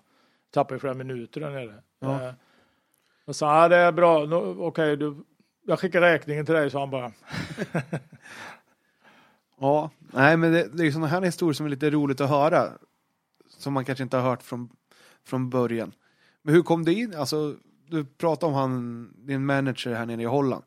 Var det så du kom i kontakt med Ford England också? Nej, det var ju inte Ford England, det var ju Ford Holland som, som jag var anställd av. Ja. Och, och det var tack vare han kan man säga. Och då kom ju deras chef, eh, de petade ut en, de hade en annan kille som körde eskort. Och vi slog han på varje tävling. Och det, det duger ju inte om de hade han och han fick stryk varje gång av mig. Så det var så det började. Och då erbjöd de mig att köra. Och det började med att de betalade. Jag skötte allting med den här hyrbilen från England. Ja. Och meckar från England och uh, alltihopa. och de pröjsade alla fakturer. Eh, 84 var det här. Och sen fick vi del och det var prispengar på den tiden också. Det är fantastiskt. Så Ja. det var ju så det var ju, det var ju ganska bra. Och sen eh, under sam... Vi körde även andra tävlingar. Man lärde sig förhandla skulle jag vilja säga. Vi, vi förhandlade alltid med arrangörer för då var jag, vad heter det, FISA B-sida tror jag det hette. Och då var det en viss status. Då kunde man, vi körde i Belgien också parallellt. Då hade en annan kartläsare, vi körde där och hyrde bilar. Och han fixade bilar och sponsorer. Vi hade jävligt mycket på gång. Vi, vi förhandlade med arrangören. Vi hade princip hade vi alltid gratis boende. Allt från fina hotell till eh, sådana med röda lampor i fönstren. och givetvis inga startavgifter och sånt. Startpengar hade vi och eh, väldigt, väldigt bra deal med arrangörer hade vi. Det är kul, alltså när arrangörerna, du, du blir som ett affischnamn för dem. Att de kanske kan locka Ja. till sig lite fler publik och där om, om man såg att Stig Andevang Nej, skulle det var dyka massa förare som körde. Så jag, jag, de hade nog publikintäkter redan på det. Och sen hade de stora eh, sponsorer som var cigarettintäkter. Typ Belgien hade de Belga och Bastos. Eh, Ja. Det var massor med pengar som kom från sånt. Det var ju lagligt då. Så att det fanns eh, stora pengar där då till, eh, till att betala förare som körde. Så det, var- det var, och det var jävligt fina tävlingar de har där nere. ja, och var det någon skillnad mellan Belgien och Holland? Ja. Alltså, Ja, det är skillnad. Det är tuffare tävlingar i Belgien och det är eh, längre tävlingar en del där och eh, väldigt fina tävlingar. En del är väldigt svåra. Iper till exempel, Ja. den har jag kört två eller tre gånger. Ja, All, aldrig kommit i mål. nej, Eh, det, för det ser man ju, det, det går ju fortfarande Ypres rally där nere. Ja, ja, det, är samma tävling. Då går de andra också. Ja, Alla möjliga. Jag har kört, eh, jag har vunnit tävlingar där också så att det de går alla nästan tävlingarna där. det är, det är riktigt fränt landskap måste man säga. Det när man bara sett på film. Ja, det, det är ju smala asfaltsvägar till breda asfaltsvägar till jordvägar in i skogen och fort som satan går det. Så det är, det är jätte... Belgien är inte att leka med. Det, det är stenhård konkurrens om man ska åka och köra där. Det är, det är riktigt tufft. Men när du åkte RS 200, det måste ju ha varit en bil som gick, alltså det måste ju ha varit ett monster att köra. Så att, alltså i början var det inte det, vill jag påstå. Det var, första tävlingen vi körde var ju, vad fan var det, Tulpanrallyt. Vi vann tävlingen, konstigt nog. Eh, men eh, då var bilen inte ut, då hade vi en original växellåda. Vilket inte fungerade. För jag hade kört sönder flera stycken redan när jag var testade bilen. Ja. Så vi visste innan start, det här kommer aldrig hålla. Eh, och vi hade inte så mycket effekt heller. Det kanske, jag, jag vet inte, vi hade nog 50-70 hästar mindre än vad vi hade i slutet. Och eh, väg, bromsarna fungerade inte på bilen bra. De var, blev så jävla överhettade så att det var, det var mycket problem i början. Eh, men det var ju skitkul att köra givetvis. Men det var ju allt det här. Jag tror vi backade i mål på en sträcka, gjorde vi. Vi hade bara backen kvar i lådan. Så att det, var, det hände mycket konstiga grejer. Men vi hade så jävla bra resurser med, vi pratade service innan, det hade ju aldrig gått idag. Vi- Det var ju efter varje sträcka service. Ja, det är ju, alltså det är ju, som du säger, om du backar emot, då måste du ju byta låda där på. Ja. Och de hade tränat det, de här killarna. Vi hade ju 13 mekaniker. Ja. Eh, rekordet vet jag var på att byta låda var 8 minuter och 16 sekunder. Då hjälpte jag till inifrån bilen också. Och, Ja. och sen var, det var fantastiskt alltså. Ja, det måste ju varit, Ja, då är det roligt att åka biltävling. Ja. Då bara kastas under. Det var pang, pang, pang och det var, luktade allt från bränt fläsk skulle jag säga. Att det var, det var, de offrade sig verkligen. ja. Ja, åtta minuter är vad man byter hjul på själv kanske. Och det var en jävligt växellåda på stor den. växellåda Ja. på den bilen. Det var ju en eh, extrem låda. Det var ju med framdiff och alltihopa. Jag kan tänka mig det att det var ju, måste ju ha varit extremt lättmäckat för dem om de kan byta, eller när de var så många i alla fall. De tränar ju in det i sin egen verkstad i och med att de visste om alla problem. Så att det, var därför jag sa att jag har ju testat i England och, och allt som gick sönder. Så de lärde ju sig. De var extremt bra. De gick ju in för exakt eh, och sen hade de indelat. De tre killarna gör det under tiden ni gör det. Och, så att det var. Det gick jävligt fort ja. Det är ju super, superkul att höra att det var så många som var med. Så var det 13 stycken. Ja. Alltså, och bara pang, pang, pang. Då, då händer det lite grejer. Då, Ja, vi, hade, vi hade jätteresurser så det, det är klart att då har du press på det. Det enda de sa till mig att vinn tävlingarna ungefär. Det var ju ungefär order innan. och du måste ju också ha fått en annan mentalitet då. För vi hörde ju innan om massa rullningar och det. I Forden kanske inte blev lika mycket när du fick. Nej, det hände grejer i Holland också gjorde det. Det, det, eh, var mycket. Men jag, det, alltså det var ju så här, men jag hade ju fortfarande kanske lite för hett temperament. Så att, men då, det, det Har det gått över jag fick menar ju du? lite mental träning där nere, så kan man säga. utav En, eh, en kvinna där som de anlitade. Så det, det var ju bra, så man inte gör bort sig på presskonferens och grejer. Men eh, eh, Nej men det, det funkar. Vi gjorde inga rullningar med S200 lyckligtvis kan jag säga. Det gjorde vi inte. Det var ju South Swedish då vi åkte av. Sen åkte vi av eh, eh, ja, mindre grejer kanske. Ja. Ja. Belgien var det förresten ett jävla incident. Just det, där var det eh, Bianchi rally. Där, eh, det bevisar hur bra kartläsare hon var som åkte med mig. Anja Liuma hette hon. Det var på natten, tre på natten tror jag det var. Och vi, låg, vi hade haft problem med punktering. eh, Vi tappade flera minuter. Sen var vi på krigshumör där, eller på... Jakt. För, ja, men det var tufft. Det var jättetufft. Det var ju jättesnabba de där. Eh, och så var det ett hopp före, på en lång raka var det ett hopp. Det gick max alltså. Det gick över kanske 215 eller någonting. Eh, och när vi landade så huven fram satt ju all belysning i. Extraljus och allting. Då gick de här förbannade jävla gångjärnen som Ford hade gjort där. De gick sönder alltså. Lossa med skruvar och allt. Så hela all belysning bara försvann. Pang så här rakt upp i luften. Vi tappade alltså, det blev kolsvart. Och hon kul. läste vidare noterna för det kom en jävla stenbro som svängde vänster Mm. över i slutet på rakan. Och vi såg ju fan ingenting. Så det var, vi tog emot där gjorde vi så det blev med skador på bilen. Men vi, vi, vi kom i mål på sträckan i mörker och alltihopa. Så det var, ja, det var, det hände lite saker. Ja, det, ha, har du några så här, det måste vara sådana här moment som bara, åh det här gick ju, det gick ju bra även fast det hade kunnat gått. Ja, det var ett riktigt moment. Det blev kolsvart i över 200 blås alltså. Så det var, det finns ju ingen tid att fundera vad fan du ska göra. Det var ju bara, fräck. Så hon läste på noterna, Ja. så det, det ska hon ha jävla heder av. Det, det är ovant.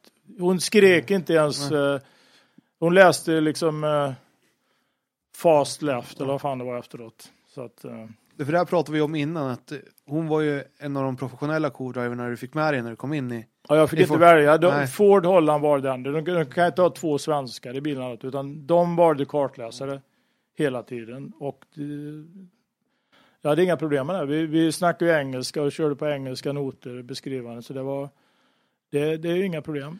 Och du hade lärt dig engelska nu vid den här Ja, tiden. jag, jag lärde mig genom att träffa folk. Ja. Inte i skolan, för det, det gick jag bara fem år. Så att, jag hade inte lärt mig någon engelska innan. Nej, men det är, det är kul att se att man kan utveckla någonting som funkar. För du sa att engelska noter var nästan bättre för dig under den här tiden. Jag kunde inte prata svenska Mm. med en holländska. Det blir jävligt svårt. Så att, eh, jag var tvungen. Och det, Mm. när du är tvungen, då lär du dig. Det är det som är bra. Ja, men det känner jag också igen. Alltså, jag har också svårt med språk, men när, man, när du väl måste så kan du i alla fall traggla dig fram med, Ja, med, med det- vilket...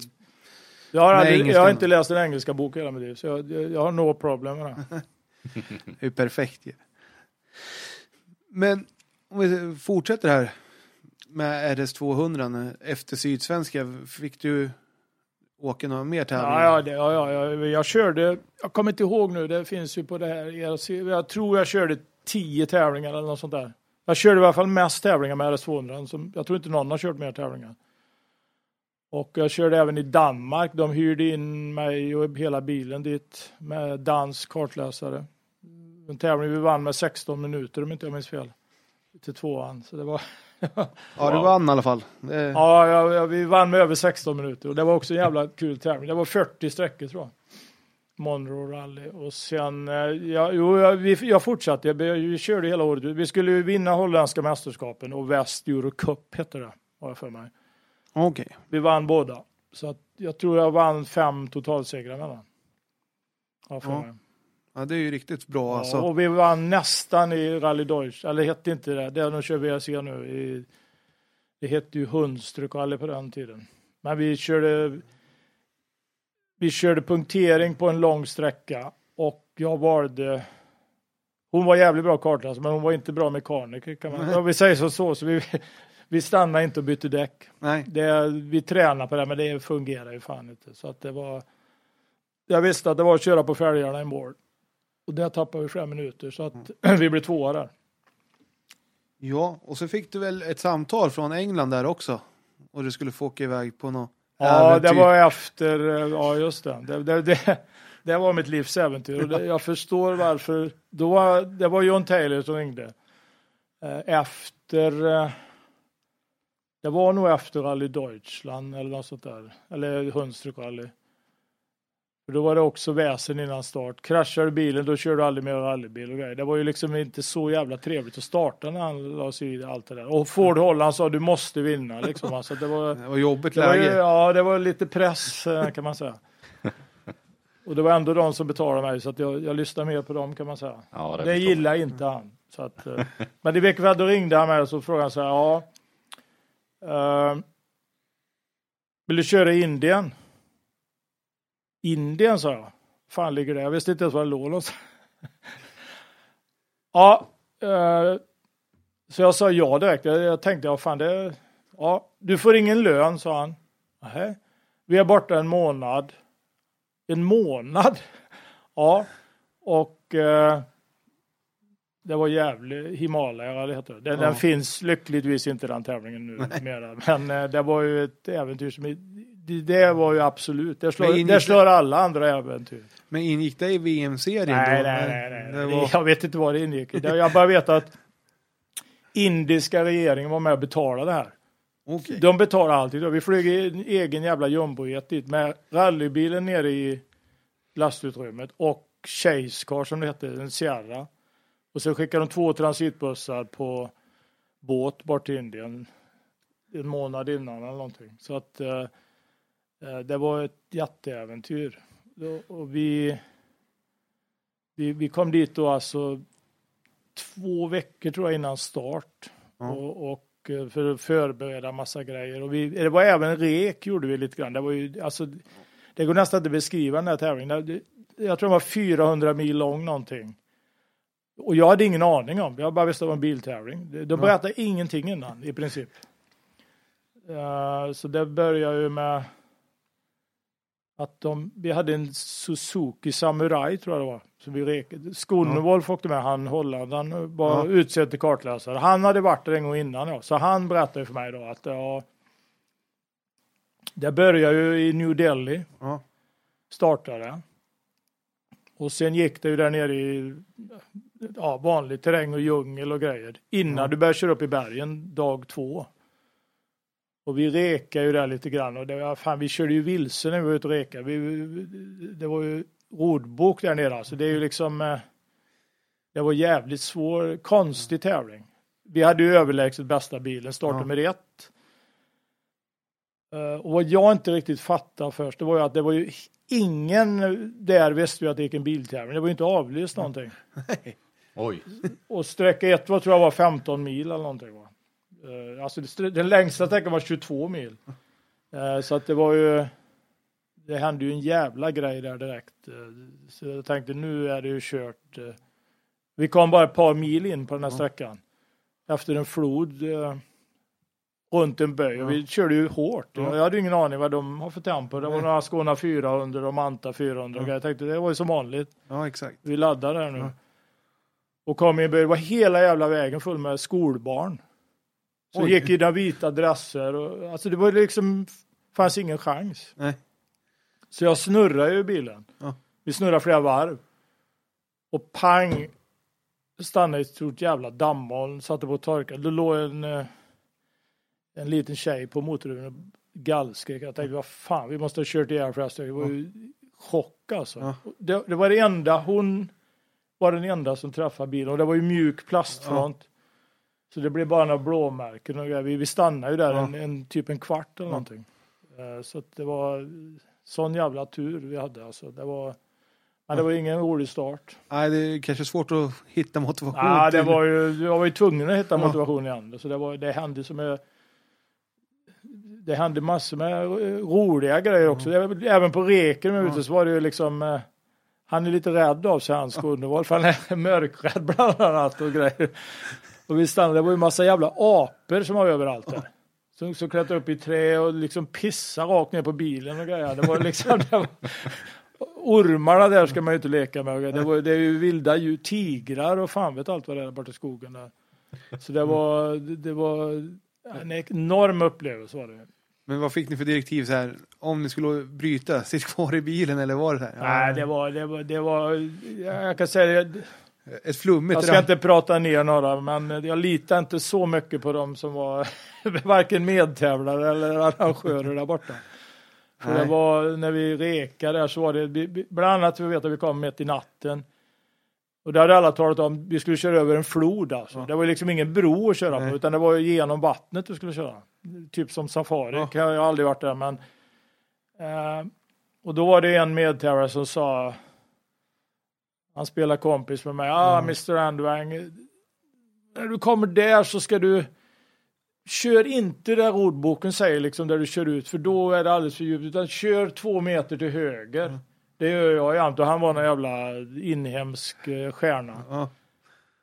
Jag tyckte han verkade lite skum så jag sa till hans skorna så vi, vi stannade när vi kom dit. Han vågade inte ens åka över. Vi var där ett på natten. Mm. Det var ju kolsvart och de jävla ljusen försvann och åkte ner i vattnet. Så vi gick ju ur där, så gick vi med pinnar där i vattnet. Och det var ju för fan två meter djupt där han sa vi skulle köra. Han ville vinna alltså? Ja, jag tror, han ville inte att vi skulle göra det i alla fall. Ni var där och inkräktade Ja, och det, och det, sen när vi kom tillbaka i bilen, vi gått med de här pinnarna. Då stod det 20 man runt bilen, så här inför, eller som, som bor i grottor där borta ja. i skogen. Det var ju liksom, fan vi höll på att dö, vad fan är det här? Det gick och tog på bilen, det känns som att de inte har sett en bil på någon gång förut eller något. Så det var, det var, ja, det var riktigt äventyr. Och på tävlingen sen, vi ledde överlägset gjorde vi, vilket vi skulle göra. Eh, då tappade vi oljefilter, det gick 200 borta på en jävla lång raka som var kanske 7 kilometer lång in i djungeln där eller en jävla sandväg. Mm. Eh, började oljetryckslampan, pang stängde av direkt. Mm. Satan vad är det? Då, sprang, då hade oljefiltret lossat bak. Det ramlade ju ner, låg lyckligtvis nere vid bakdiffen på hasplåten. Så jag skruvade dit det och så hade vi bara två, tre liter olja med oss ja. i bilen. Slog i det, fick inte upp något oljetryck för det var ju torrsump så det ja. var för lite. Så vi var tvungna att stå där och stoppa konkurrenter. Och du kan ju gissa vem som inte stannade. Han, eh, ja. Din kompis? Nej, han brände på, han höll fullt förbi. Men de andra belgare och han som vann bland annat, vilket tragiskt nog körde ihjäl sig i samma rally året efter, gjorde han som vann. Um, han lånade vi olja av så vi fick, så vi körde upp då låg vi en halvtimme efter eller någonting. Sen fick vi stanna för en elefant i nästa sträcka i en by som höll på att bada i en jävla lerhål där så du, vi kom förbi. Det var, det var ju, det var ju, jag var tokig alltså. Jag kan tänka mig, ditt adrenalin. Ja, det var, det var högt uh, där. Det är inte någon som går ut och skriker på en stor elefant som ligger och badar. Nej, han var inte så stressad. Så vi, sen fortsatte vi där och, och körde upp. Men sen, uh, för att göra en lång story kort, det var, det, det var det var mycket konstiga grejer. Det var även på service. Det var polisen där. De, de liksom skulle skydda våran bil, eller militärpolis, vad fan det var. De, de betedde sig väldigt illa mot lokalbefolkningen. Slog dem med träpåkar. Jag gillar inte sånt där. Alltså. Nej. De kom med en blomma och kastade för de tyckte det här var så fantastiskt. Va? Det var ju liksom vänliga människor ja. som blev helt jävla... Ja, det var väldigt mycket konstigt var det. Men eh, eh, det värsta kom ju sen. Alltså, det var när vi skulle köra upp i bergen där. Och det var ju mm. lyckligtvis på natten. Ja. Jag hade ingen aning. Nej. Rodboken, det kan ju stå till exempel varning efter en mil, big drop on left side. Och då tänkte jag, ja fan det är nog eh, farligt där. Mm. Men när vi bröt sen tävling, motorn pajade på, ja, det hände så jävla mycket. Gasvagn gick av på den här sträckan jag sa som var 22 mil i starten. Oj. Ja, och det var inga dubbla dumt åk på den bilen. Och han skulle, åh vad fan gör vi? Vi får bryta. Bryta så är du inte klok alltså. Ta det, knyt upp din jävla så jag tog hans skosnöre och band upp den på fullgas. Och sen körde jag på tändningsnyckeln. Hela den jävla sträckan. Jag var tvungen att stanna och vila inne på sträckan. för Det var ju totalt livsfarligt. Varje Ja. gång du vred på var det två meter eldslag bak. och så, så det var rätt spännande kan man säga. Ja, Det är det vilja var- i alla fall att ta sig i mål. Ja, det, vi, vi, vi kom aldrig i mål. Vi bröt tävlingen. I, i, i, vi ledde överlägset. Men eh, sen var vi uppe på de höjderna. Jag vet inte vad det var. 4000 meter. Något. Det var, där pajade motorn. Det var fel bränsleblandning. Eh, så att den... Eh, det blir lite tunnare luft där Ja, uppe. den pajade längst upp där. Och när vi, mitt i natten, och vi stod där till det ljusna. Och då såg vi ju vad i helvete när vi tittade. Det var ju liksom 600-700 meter lodräta diken rakt ner där vi stod. Fy fan. Inga räcken. Det är där de har spelat in världens farligaste vägar. Ja. Där gick eh, tävlingen på flera utav de vägarna. Där de stannade och tittade och grejer. Det, så det, den, den tävlingen finns inte längre. Nej, det kanske finns en Och anledning. det tråkiga var han som vann det året, Nielsen hette han väl. Jag, jag kände han lite lätt. Han, eh, året efter så körde han av för ett nedförsstup som var kanske 100 meter. Så stendog både han och kartläsaren. Ja, det är inte... Nej, Det det, det hände nästan varje år. Jag kommer inte ihåg det året vi körde, men det, det hände. Det hände dödsolyckor. Så det var nog därför jag fick köra det här för John Taylor. Det var ingen annan som ville köra. Nej. Fick jag reda på efteråt. Alla hade tackat nej. De, de visste vad det var, men ja, sen... de visste vad det var. Den här svensken, han, han är ju lite tokig av sig. Han ville nog kanske inte jag skulle komma hem. Så. Ja, men sen blev det stopp på grupp B-bilarna där ju efter, som du Ja, sa. det var, det var stopp och det var ju inte bra för min del. Jag hade klart för vi skulle köra, då skulle vi även köra någon VM-tävling nästa år. Ja. eh, Med den bilen. Men det blev ju givetvis alla deras pengar. De hade ju köpt bilen, ägde bilen Mm. och eh, det blev ju tvärstopp. Det blev förbud efter 86 ju. Ja, efter olyckorna där. Ja. Det var väl ett par stycken som körde ihjäl sig. Ja, det var Många Det som... var mycket. Som, det var en som jag testade med en vecka. Mark Surer där. Hans kartläsare dog ju. Vi var och körde på samma jävla testbana. Och sen åkte han det- den, den har ju den har du säkert sett den kraschen. När, han körde, det började brinna den jävla bilen. Ja, Ja, det exakt. Det bara höjdare. går upp i...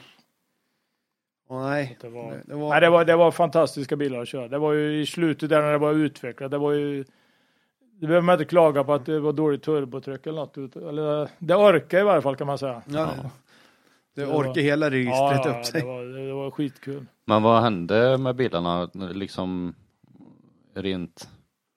Nej, de la ju ner det och sen sålde de här bilarna. Jag Ja, såg, det jag såg nu köpare. denna veckan senast ringde en massa utlänningar som ville köpa min gamla bil. Den är till salu. Jag tror det var 8,5 miljoner vad fan de skulle ha för den.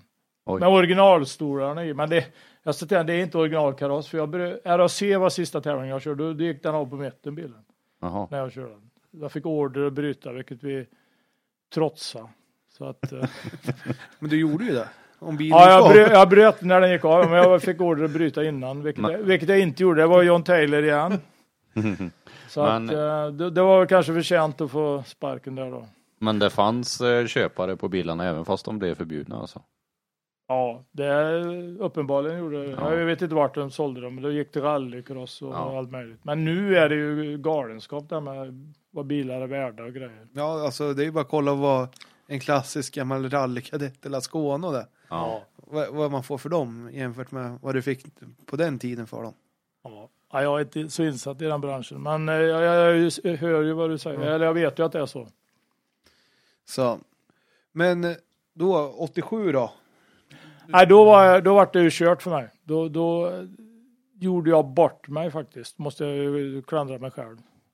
Då, hade, då fick jag ett förslag uh, utav Opel Holland. Ja. Och köra en, f- en kadett, vad fan heter den, GSI heter den, framhjulsdriven. Ja, exakt. Holländska mästerskapen. Och jag tackade nej till det. Jag, jag var tvungen att bestämma mig på en dag har jag för mig det var. Jag var tvungen att bestämma mig. Jag tänkte, nej fan det löser sig nog med något annat här med, med Ford. Men det, det gjorde det inte så att det brann ju inne kan man säga. Ja, vad sur. Alltså, ja men det är så, det gäller att ta rätt beslut ibland. Ibland tar man inte väldigt det. ofta tar man inte det. Så det var, det gjorde jag bort mig men det, Det är ingen idé att titta i backspeglar jämt hela livet. Det är framåt man behöver titta. Ja, exakt.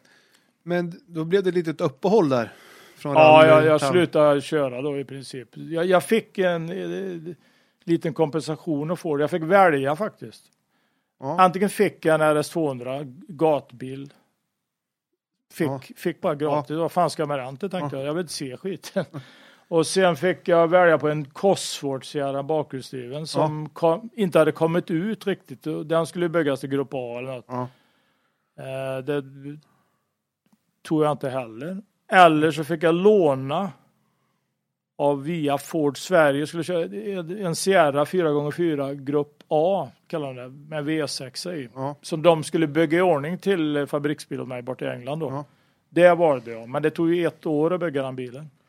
Aha. Ja, det fanns inga grejer. Och, eh, så det, den bilen eh, körde jag med sedan 88 och framåt. Ja. Och Lite då- grann i Sverige bara. Jag fick Sverige. betala allting själv eh, Ja, och, låna den av Ford Sverige via Gunnar Palm bara. Så körde jag med den i ja, två, tre år. Va? Jag vann rätt många tävlingar. Det var ju ingen bra motor i den. Det var ju för slö alltså. Men det var en jävligt bra bil att köra. Det var synd att det var för lite effekt på den. ja. Men under de här åren du åkte, har du något SM-guld eller har du? Har... Nej, SM Silver bara. SM-silver? Ja, men det fick jag 86 också. Ja.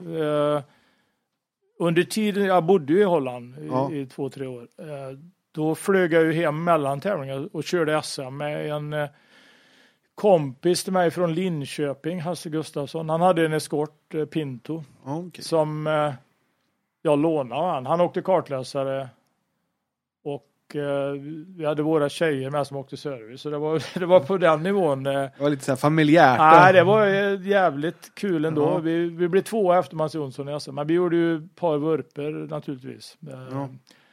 eh, bland annat i, vad fan var det, Mälarrallyt då. Det är här omkring. Ja, det, Kungsör tror jag det var. Det var där kan du prata Gamberg eh, kan jag säga. Det var, där tror jag var 25-30 bilar som rullade i samma berg. Är det... Ja, det Nej, jag har ingen aning. Jag vet att jag svängde vänster efter Ja. några raka. Och jag vet, dumt nog stod vi och bråkade med Mats Jonsson, tror jag det var i starten. Ja. Vem som skulle starta först. Det har blivit ett uppehåll där med någon mjölkbil eller någon sjuk ko eller någonting. Okej.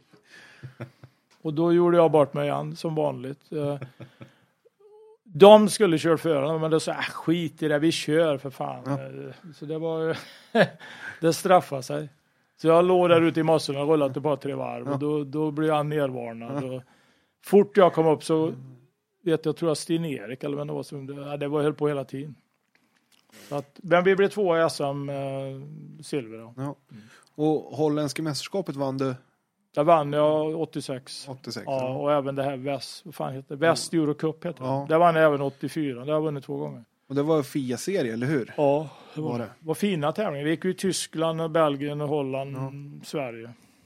South Swedish var väl med där tror jag. Ja, men det måste ju ändå vara kul alltså, att vinna sådana mästerskap också. Ja, ja, det var jättekul. Det var, det var ju riktigt stora tävlingar också, många av dem. Det var, det var jättebra. Det var, alltså, vi pratade inte en endagarstävling, eh, utan det var, de var ju två eller tre dagar och, och typ 40 mil special eh, alla tävlingar. Men hur var gemenskapen under den här tiden? Hade ni mycket sa samkväm eller Nej, var du väl, ute och träffades på kvällarna när du, när du bodde nere i Holland? Hade Ja, du... då var det ju så här, då, då gick jag ju in för biltävling 100 procent. Eh, så att då, det var ju jag kartläsaren och det, nej, det var ju inte så mycket sånt. Det vill jag inte på. Jag, första året bodde jag på hotell ett år, olika hotell. Och sen var det ju rek på de tävlingarna då och grejer. En del var det inte rek och de mesta var det rek och det var konstiga upplägg. Så att jag, jag höll ju på med det där va. Och sen eh, var jag i England och testade bilar ofta. Och Irland och lite, ja, jag var med Ford och testade mycket också. Även 85 med den där jävla skitbilen där i skorten. Ja, för den slog väl aldrig igenom den där framhjulsdrivna eskorten va? Nej, den, det var det sämsta året jag varit med om. Det var, det var, tyvärr var det jättetråkigt för att den bilen, den lät ju bra. Den gick som fan i motorn. Men den gick, du behövde en flygplats på det för att kunna köra rakt. Det, det, det, var ju, det vinglade åt alla håll med diffar och grejer. Och Man fick inte ner fästet i backen. Nej, de hade de hade silikondiffar, det, det funkar aldrig. Och sen drivaxlarna var för korta, de gick av. Det sa jag direkt, vad fan det är fel på drivarna. Det var Mr Taylor med igen. Shut up, sa han och kör bara. Det, det blir bara 300 meter något första tävlingen tror jag. Och sen, pum. Ja, det lustiga var att då var även Mark Lovell tyvärr kört ihjäl sig och död. Eh, han körde i England med motsvarande bil, så han kände jag ju ganska väl. Även om han var konkurrent. Och han hade ju exakt samma problem. Varje jävla helg så bröt vi för samma anledning. Ja. Då- Då måste du liksom angripa, och det gjorde de, försökte och greja. Och till slut så slutade vi vara på Irland, kommer jag ihåg. eh, Och testa. Jag skulle köra Isle of Man, det har jag Ja. också kört eh, det rallyt. Det Eh, måste vara coolt. Ja, det var jävligt. Det var, det var väldigt coolt. Det var bara att jag fick hotellarrest halva tiden jag var där. Polisen tog mig för... På träningen hände lite grejer. Och vad var det som hände? Då? Nej, det var, jag mötte en jävla engelsman med en sån här hundkoja med massa trälister på, på, på fel plats kan man säga. Jag hade en Rover Vitesse tror jag den hette. Det gick inte att mötas. nej. Han kom åt fel håll på, men det, givetvis var det ju mitt fel. Jag körde för fort. Så det, Så du rammade honom lite Nej, det, det tog emot ganska mycket. Ja. det, Så att det var... Det blev lite strul där. Men eh, Men det måste ju finnas fler sådana här historier som, jag säger, som du säger, att vi, ibland var inte vägarna avstängda. Eller var det bara nej, men där det här in- var ju reken. Det var var, officiellt. Ja, men det var ju... Det var ju inte alls... eh, Det var det jag sa till dig innan som SM Vi ska åka saktare än vad klockorna går. Men det var, det, det var ju inte riktigt så på den tiden. Iper till exempel, det tränade de i full fart på nätterna då med, med Lancia 037 och grejer. Det var ju publik ute när vi rekade. Jag, jag totalskrotade en bil. Det slutade med ett jävla liv också. En Sierra eh, som var helt ny. Hyrbil. Det, det Skål. låter inte bra. Nej, det var inget bra heller. Vad, vad sa de till Ja, men det hände sådana saker på 80-talet. Ja. Det, det, jag skäms inte för att berätta. Det hände grejer överallt. Var, Ja, men har du några så här riktiga anekdoter som, som kan vara kul att höra för ja, lyssnarna? det var då i Holland och den är väl rätt så rolig faktiskt. Det var, det var det ju rek på, jag kommer inte ihåg vilken tävling, det var Hellenborn eller Tulpanrallyt. Och då körde jag, då var jag ute själv för då kunde inte hon åka med. Okej. Nej, det var någonting den dagen. Hon, hon drev massa bagerier också inne i Amsterdam. Så vi skulle reka nästa dag. Men då sa jag, då drar jag, bränner jag de här sträckorna. Eh, Bara körde igenom dem. Och jag körde den en gång på morgonen, så, kom jag, så körde jag lite fortare. Och då hade ju en bonde varit ute där och med sin jävla gödselspridare eller vad fan det var. Så det var ju snorhalt när jag kom in på den här gården. Så jag åkte av med den här jävla Sierran och åkte upp i hans eh, ja, typ garage nästan eller någonting. där. Det var, det var i varje fall det, så det blev skador på grejer där. Det slutade med polisanmälan och grejer så att det var ju det blev ett jävla liv där. Vilket inte var så allvarligt. Va? Vi betalade ju alltihopa, eller Ja. Ford. Men det var ju en eh, polischefen där, han eh, satte ju mig i lägenheten i Amsterdam. Alltså, jag fick starta tävlingen men, men de skulle ringa en gång i timmen när jag skulle svara telefon. Ända fram till tolv på natten så, så var det ledigt till sex på morgonen så de börja ringa igen. Så det var ju, jag satt ju fan inlåst där. Inlåst. så går det inte att fortsätta om man ska köra tävling. Nej, det är fan jobbigt alltså. Så, och då slutade att säga, så att jag, hur fan löser vi det här? Mr Hendrix hette han. Ja. Han var ju polischef över ett jätteområde där. Så Ford Holland bjöd in han. Mot, Han ville inte först, eller, till, till en eh, provåkning, eller pressvisning med RS200 nere i södra Holland. Och då, då var John Taylor med och han var på väldigt bra humör när vi började prata poliser som var elaka, det gillade han inte. Och då skulle han få åka med mig på den där teststräckan. Ja. Vi skjutsade journalister och grejer och de gjorde te, allt möjligt. Och då var det, det var det en lång jävla vänster där på helt ofarlig böj egentligen. Men Ja. det var ett staket i yttern och lite dike kanske. Så vi körde fram och tillbaka vid ett kärnkraftverk. Det var ganska snabbt. Exakt. Ja, då, då skulle han åka med bland de sista där. Bestämde vi. Ja. Och så jag vill inte se, han var ju hemsk den där jävla polisen.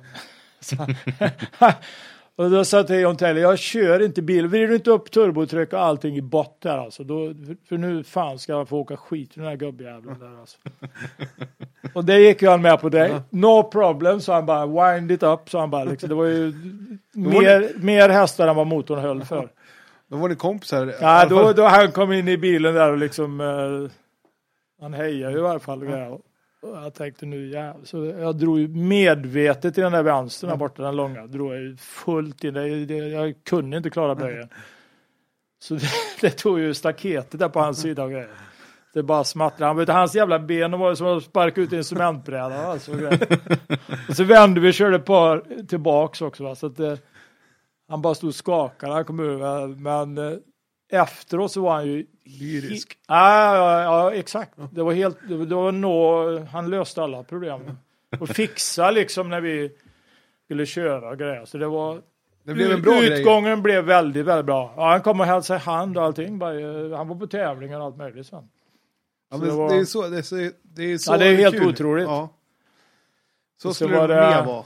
Ja, men sen hände ju andra saker. Det var, men det löste de, Ford Holland löste de mig. Vi, alltså det var service innan, säkert det var slicks på de bilarna många gånger där nere. Och jag vet en sträcka var en tävling och vi vann tävlingen. Men vi var tvungna att värma däcken. Och det fanns för fan ingen, eh, det var bara en och en halv kilometer till start. Okej. Och det gick ju i en by naturligtvis. Och det, vi körde ju för fort som alla andra gjorde. Och vinglade och grejer. Och det kom ju snuten och, och tog oss. Och liksom, va? Vi har två, tre minuter till vi ska vara i K-zon.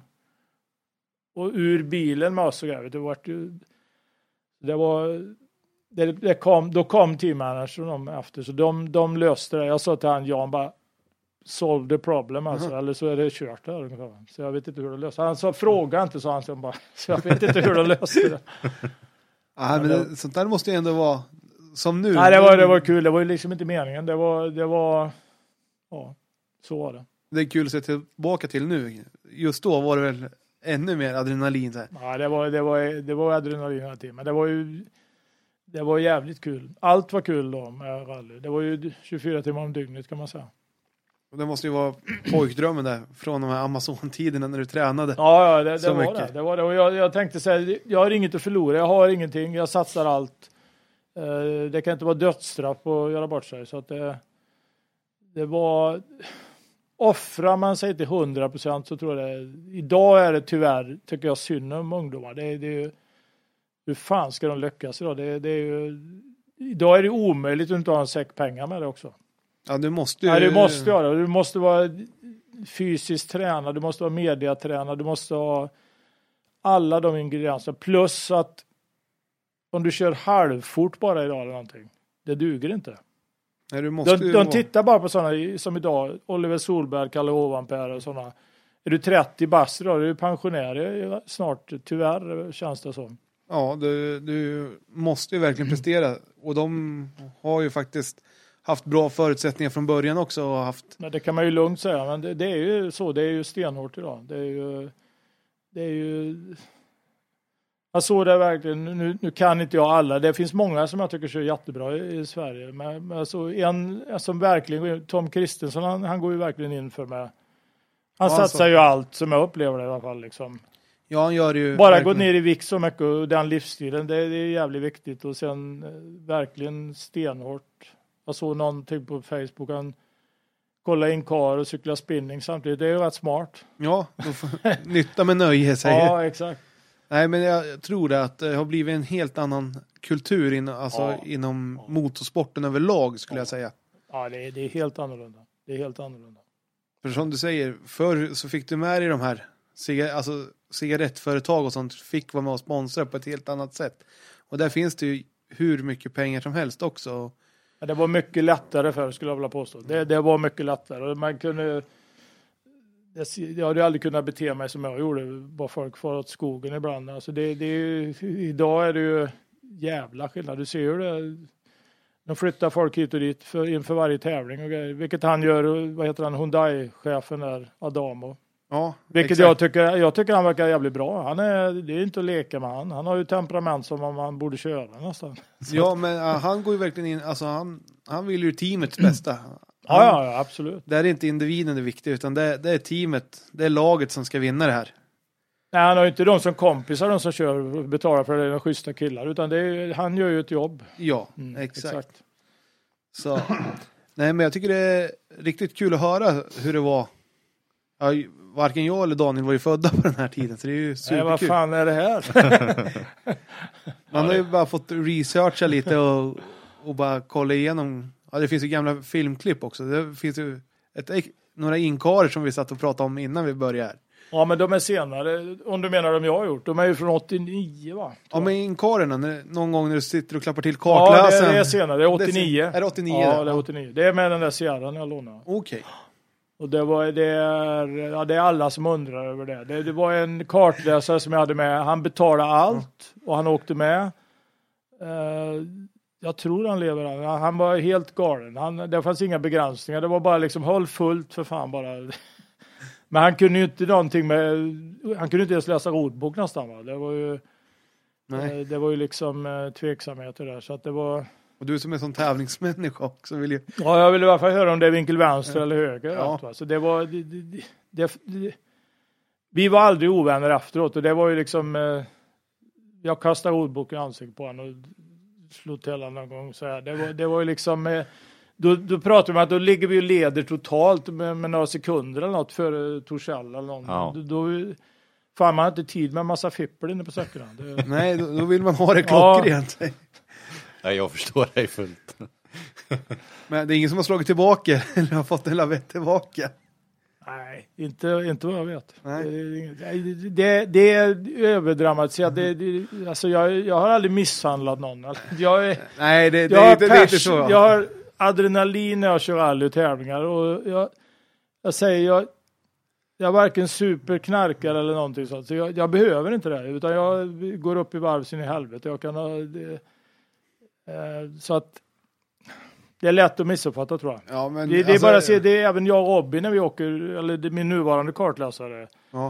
Eh, Det, vi kan rycka upp i, på, under tävling. Han vet hur jag är. Liksom, det gäller att lära sig. eh, Men det är med det här med personkemi som du säger. Man Ja. måste lära, kunna ge och ta alltså. Ja, men sen det. har jag alltid race mode. eh, Det är då mina meckar brukar hålla sig undan och grejer. När, jag börjar spela striplers en eh, 20 minuter innan start, Ja. då, då, då vet Robin vad som gäller också. Då, då är det på gång. Ja, då, då är det dags. Ja.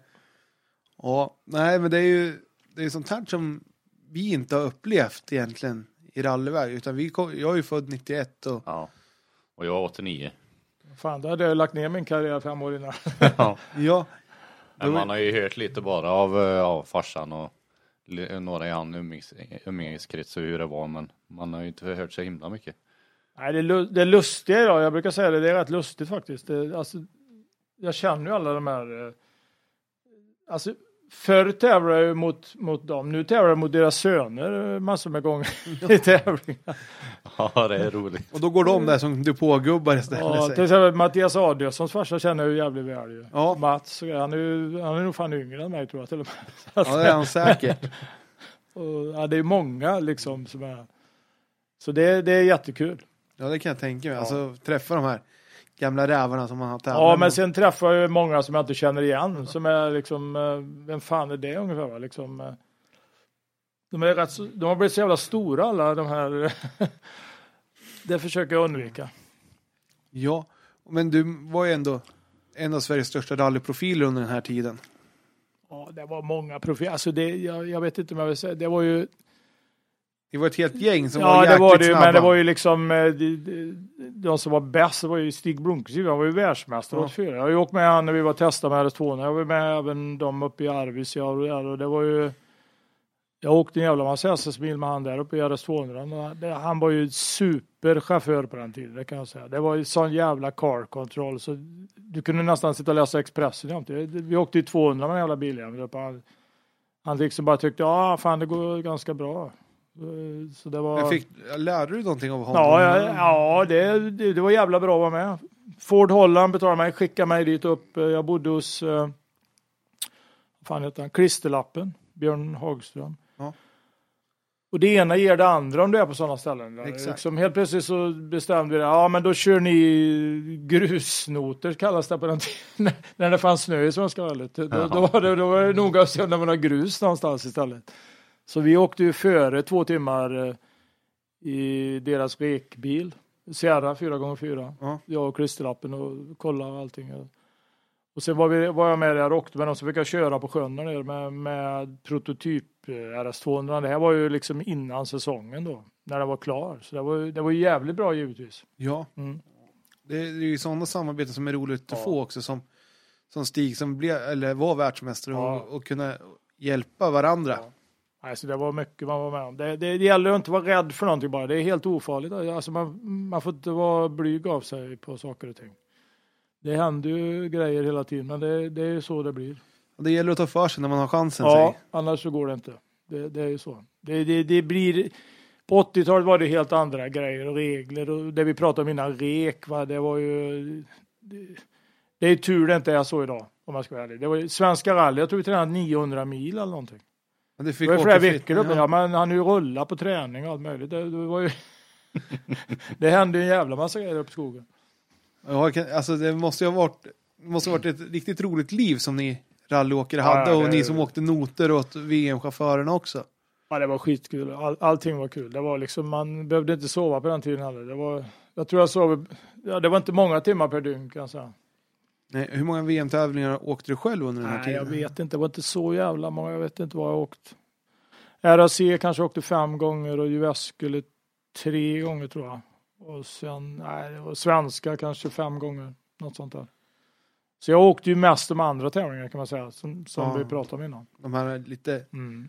De, de precis under VM-nivå kan man väl säga. Att de Jag här, åkte ju där, det var ju Ford Holland som bestämde vad jag Ja. skulle köra. Det var inte jag själv som fick ha en önskelista. Att South Swedish ingick var ju att den var med i det här eh, West Euro Cup, ja. tror jag det var. och, det, och West Euro Cup måste ju vara typ snäppet under VM och EM. Ja, det var ju ihop med EM. Sen var det väl EMs tävlingar några där också. Jag kommer inte ihåg allt hur det klassas då, men det var ju det var jättefina tävlingar. Ja, men det är ju kul. Och vilken VM-tävling kommer du ihåg mest av dina egna som du har åkt? Ja, det är nog RAC tror jag, 83. Och Jyväskylä där första året när vi inte hade några, liksom, fan vi hade ju knappt till mat när vi startade. Vi hade ju, levde på konservburkar, vi hade fått en ICA-butik vi hade med oss. och- Så det, det var hårda tider då. Ja, då, då gäller det att verkligen ta vara på allting man kunde. säg. Och rekbilen, den, eh, när vi åkte tillbaks från den vi bröt generatorn, eh, slets loss eller vad fan som hände i ett hopp. Vi låg och krigade med, inte med Henry Toivonen, men hans bror Harry Toivonen vet jag. Ja. Så vi låg faktiskt tia totalt låg vi. Ja, det är inte, det är Nej, inte var, men han åkte av och bröt armen kommer jag ihåg där. Så vi stannade och jag tror det var på den här Odin Poja. Eh, så att då ja, det var ju det, var också en rolig tävling men det var ju jävla jobbigt. Vi, vi hade tält att bo i innan med meckar och alltihop. Och naturligtvis låg man ju i en vattenpöl när man vaknade och grejer. Så det var det var ju inte det var ju jävligt eh, tuff uppladdning innan start. Ja, det var inget glamoröst liv. Nej, det kan vi ju säga att det inte var. Det, det var ju fan, jag- vi var på pantbanken och sålde rakapparater, jag kommer ihåg. När, när pengarna var helt slut, då var det riktig jävla kris där borta. Då fick ni ihop till någonting mer. kunde- Ja, vi fick, eh, vi fick ta hjälp, kan man säga. Ja. Vi fick ta hjälp att få upp till diesel det sista där, så det var, det var lite rörigt var det. Men det, vi körde biltävling på den Ja. tiden. Vi, vi, jag gjorde allt för att åka biltävling. Så Ja. det var Då får spännande. man offra sig. Ja, då måste man offra sig. Men sen när du inte fick fort, eller du fick ju den här bilen av Ford som vi pratade om. Då, åkte, då åker du hemma i Sverige och Ja, jag åkte, jag åkte några SM-tävlingar, jag åkte vanliga tävlingar. eh, Jag åkte ungefär bara vad jag hade pengar till själv. ja, Och sen började han åka med, han kartläsaren där. eh, Och pröjsa, då åkte vi, ja, vi åkte alla möjliga tävlingar. ja. Men det, vi, det var ju ingen jättesatsning eller någonting. Det var det inte. Det var inte satsa på SM eller något sånt där. Nej, utan det var Ja, åka där, där, där man kände för ja det. så. exakt. Sen slutade med Ja, sen tröttnade jag faktiskt. Ja. Det, det vart ju strul och mycket. Det var ju liksom, det hände grejer då också. Jag kommer ihåg en gång innan, fan vad var det för tävling? Var det Kullings tror jag vi skulle åka? Då skulle vi bara testa, det var något krångel med Sierran där. Så vi skulle bara testköra på kvällen innan borta. Ja. Då, då bodde jag i Mellerud på den tiden. Okej. Eller Brålanda och Mellerud bodde, ja. Och då hade vi en testväg där nere som jag, jag hade kört den på morgonen och provat. Då var det något som inte var bra på biljäveln. Det var något med några drivaxlar för mig. och sen skulle jag testa den på kvällen innan eh, Kullings där. Och då var det en kille där som var ihop med min tjejs syrra. Han har aldrig åkt rallybil så han sa kan inte jag få åka med? Ja, vet du fan om du får. Ja, och han hoppade in då. Och jag skulle bara dra den här vägen. Den den är rätt snabb. Det går kanske 150-160 in i första böjen. Där. Och då hade du naturligtvis de hyvla, eller någon jävla, eh, eh, vad heter det, sån här väg som skär Ja. kanterna, dikena. Hade varit där på dagen så vägen var ju nästan en meter smalare när vi kom in i den här böjen fullt. Det gick ju åt helvete alltså. Så vi, vi rullade, jag tror vi rullade tre varv och åkte på åkern där nere. Så det var, Han åkte inte med någon mer sen? Nej, inte, inte, inte rallybil. Men eh, vi kom till start. Vi fixade bilen på natten på något sätt. Vi höll på ända till... Vi höll på många gånger på nätterna på den tiden kan man säga. Ja, Ända fram till start. ja, du måste ju ha ett antal garagetimmar i, Ja, i det- kroppen. Ja, det, jag, jag, jag vill säga så här, jag skruvade i början själv, men sen har jag haft hjälp. eh, Jag kan skruva, men jag tycker inte det är så jävla kul. Jag, jag skruvar på mina båtar hela tiden, jag hade dem sen. Så att det, det, jag hade killar, då på den tiden var vi i Vårgårda och skruva med, när vi hade BDA-eskorten. Då, då hade jag ett par kanonkillar nere på, som är från Kullings kan man säga. Ja. Inge och Ture Karlsson och de här, de, var, de, de hjälpte mig jämt. Och där hade vi testväg mitt utanför garaget. Det är ju perfekt. Det vet nog alla om där nere. Masavägen kallas det. Så det var, ja, det var allt från 180 till 30 in i början. Det var, ja, det var perfekt. Det var riktigt bra. Ja, det, för det är ju det som är viktigt, att man kan ut och testa också. Lite, Ja. alltså, Ja, men de var duktiga med. De, alltså, de, det var flera rullningar vi gjorde när vi krigade med Torshäll bland annat. eh, eh, I Falköping en gång vet jag. Rullade, jag rullade utanför målskyltarna på sista svängen på sista tävlingen när jag ledde totalt. Framlänges åkte ut skogen där. Så fan. bryta, det var ju så de lipade nästan meckarna. Vi åkte hem och sen bytte de, ta, eller hela jävla bilen var ju femfärgad eller något när vi skulle vi var klara på lördag morgon och då gick Baras tävling.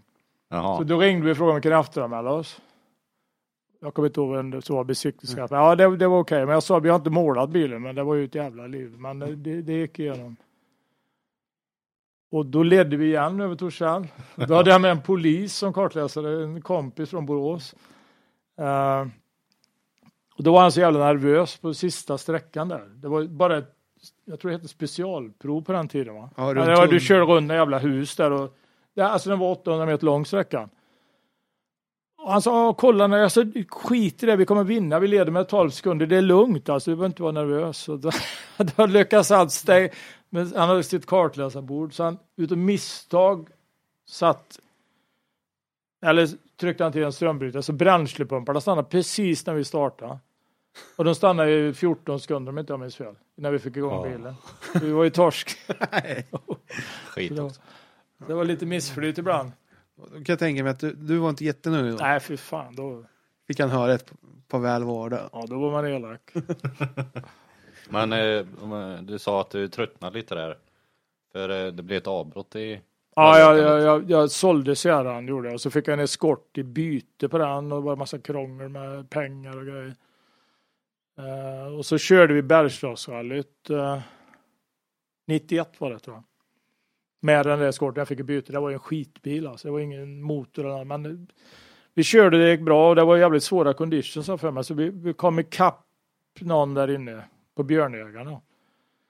Någon vallon eller vad hette vi.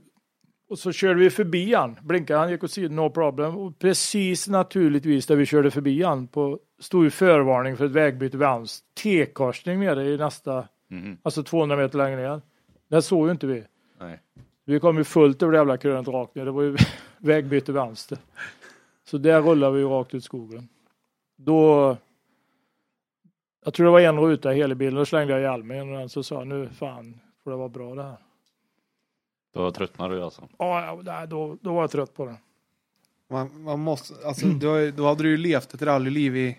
Ja, Fyra, fem. ända sedan 77 och Ja. det här var 91 så det var ju dygnet runt. Nej, då, då slutade jag och sålde jag den bilen och sen eh, höll jag i princip upp till eh, midnattssolsrally 2014. Jag hade faktiskt ett par styrningar. Jag, jag fick en eh, eh, några ströstyrningar. Jag fick en fabriksstyrning för Fiat eh, i Holland. Okej. Ja, 93 tror jag, men det var, den bilen, det var, det var en, de körde någon cup där nere med Fiat Cinquecento hette den. Det är ju så jävla liten bil så det ser ut som en mopedbil nästan.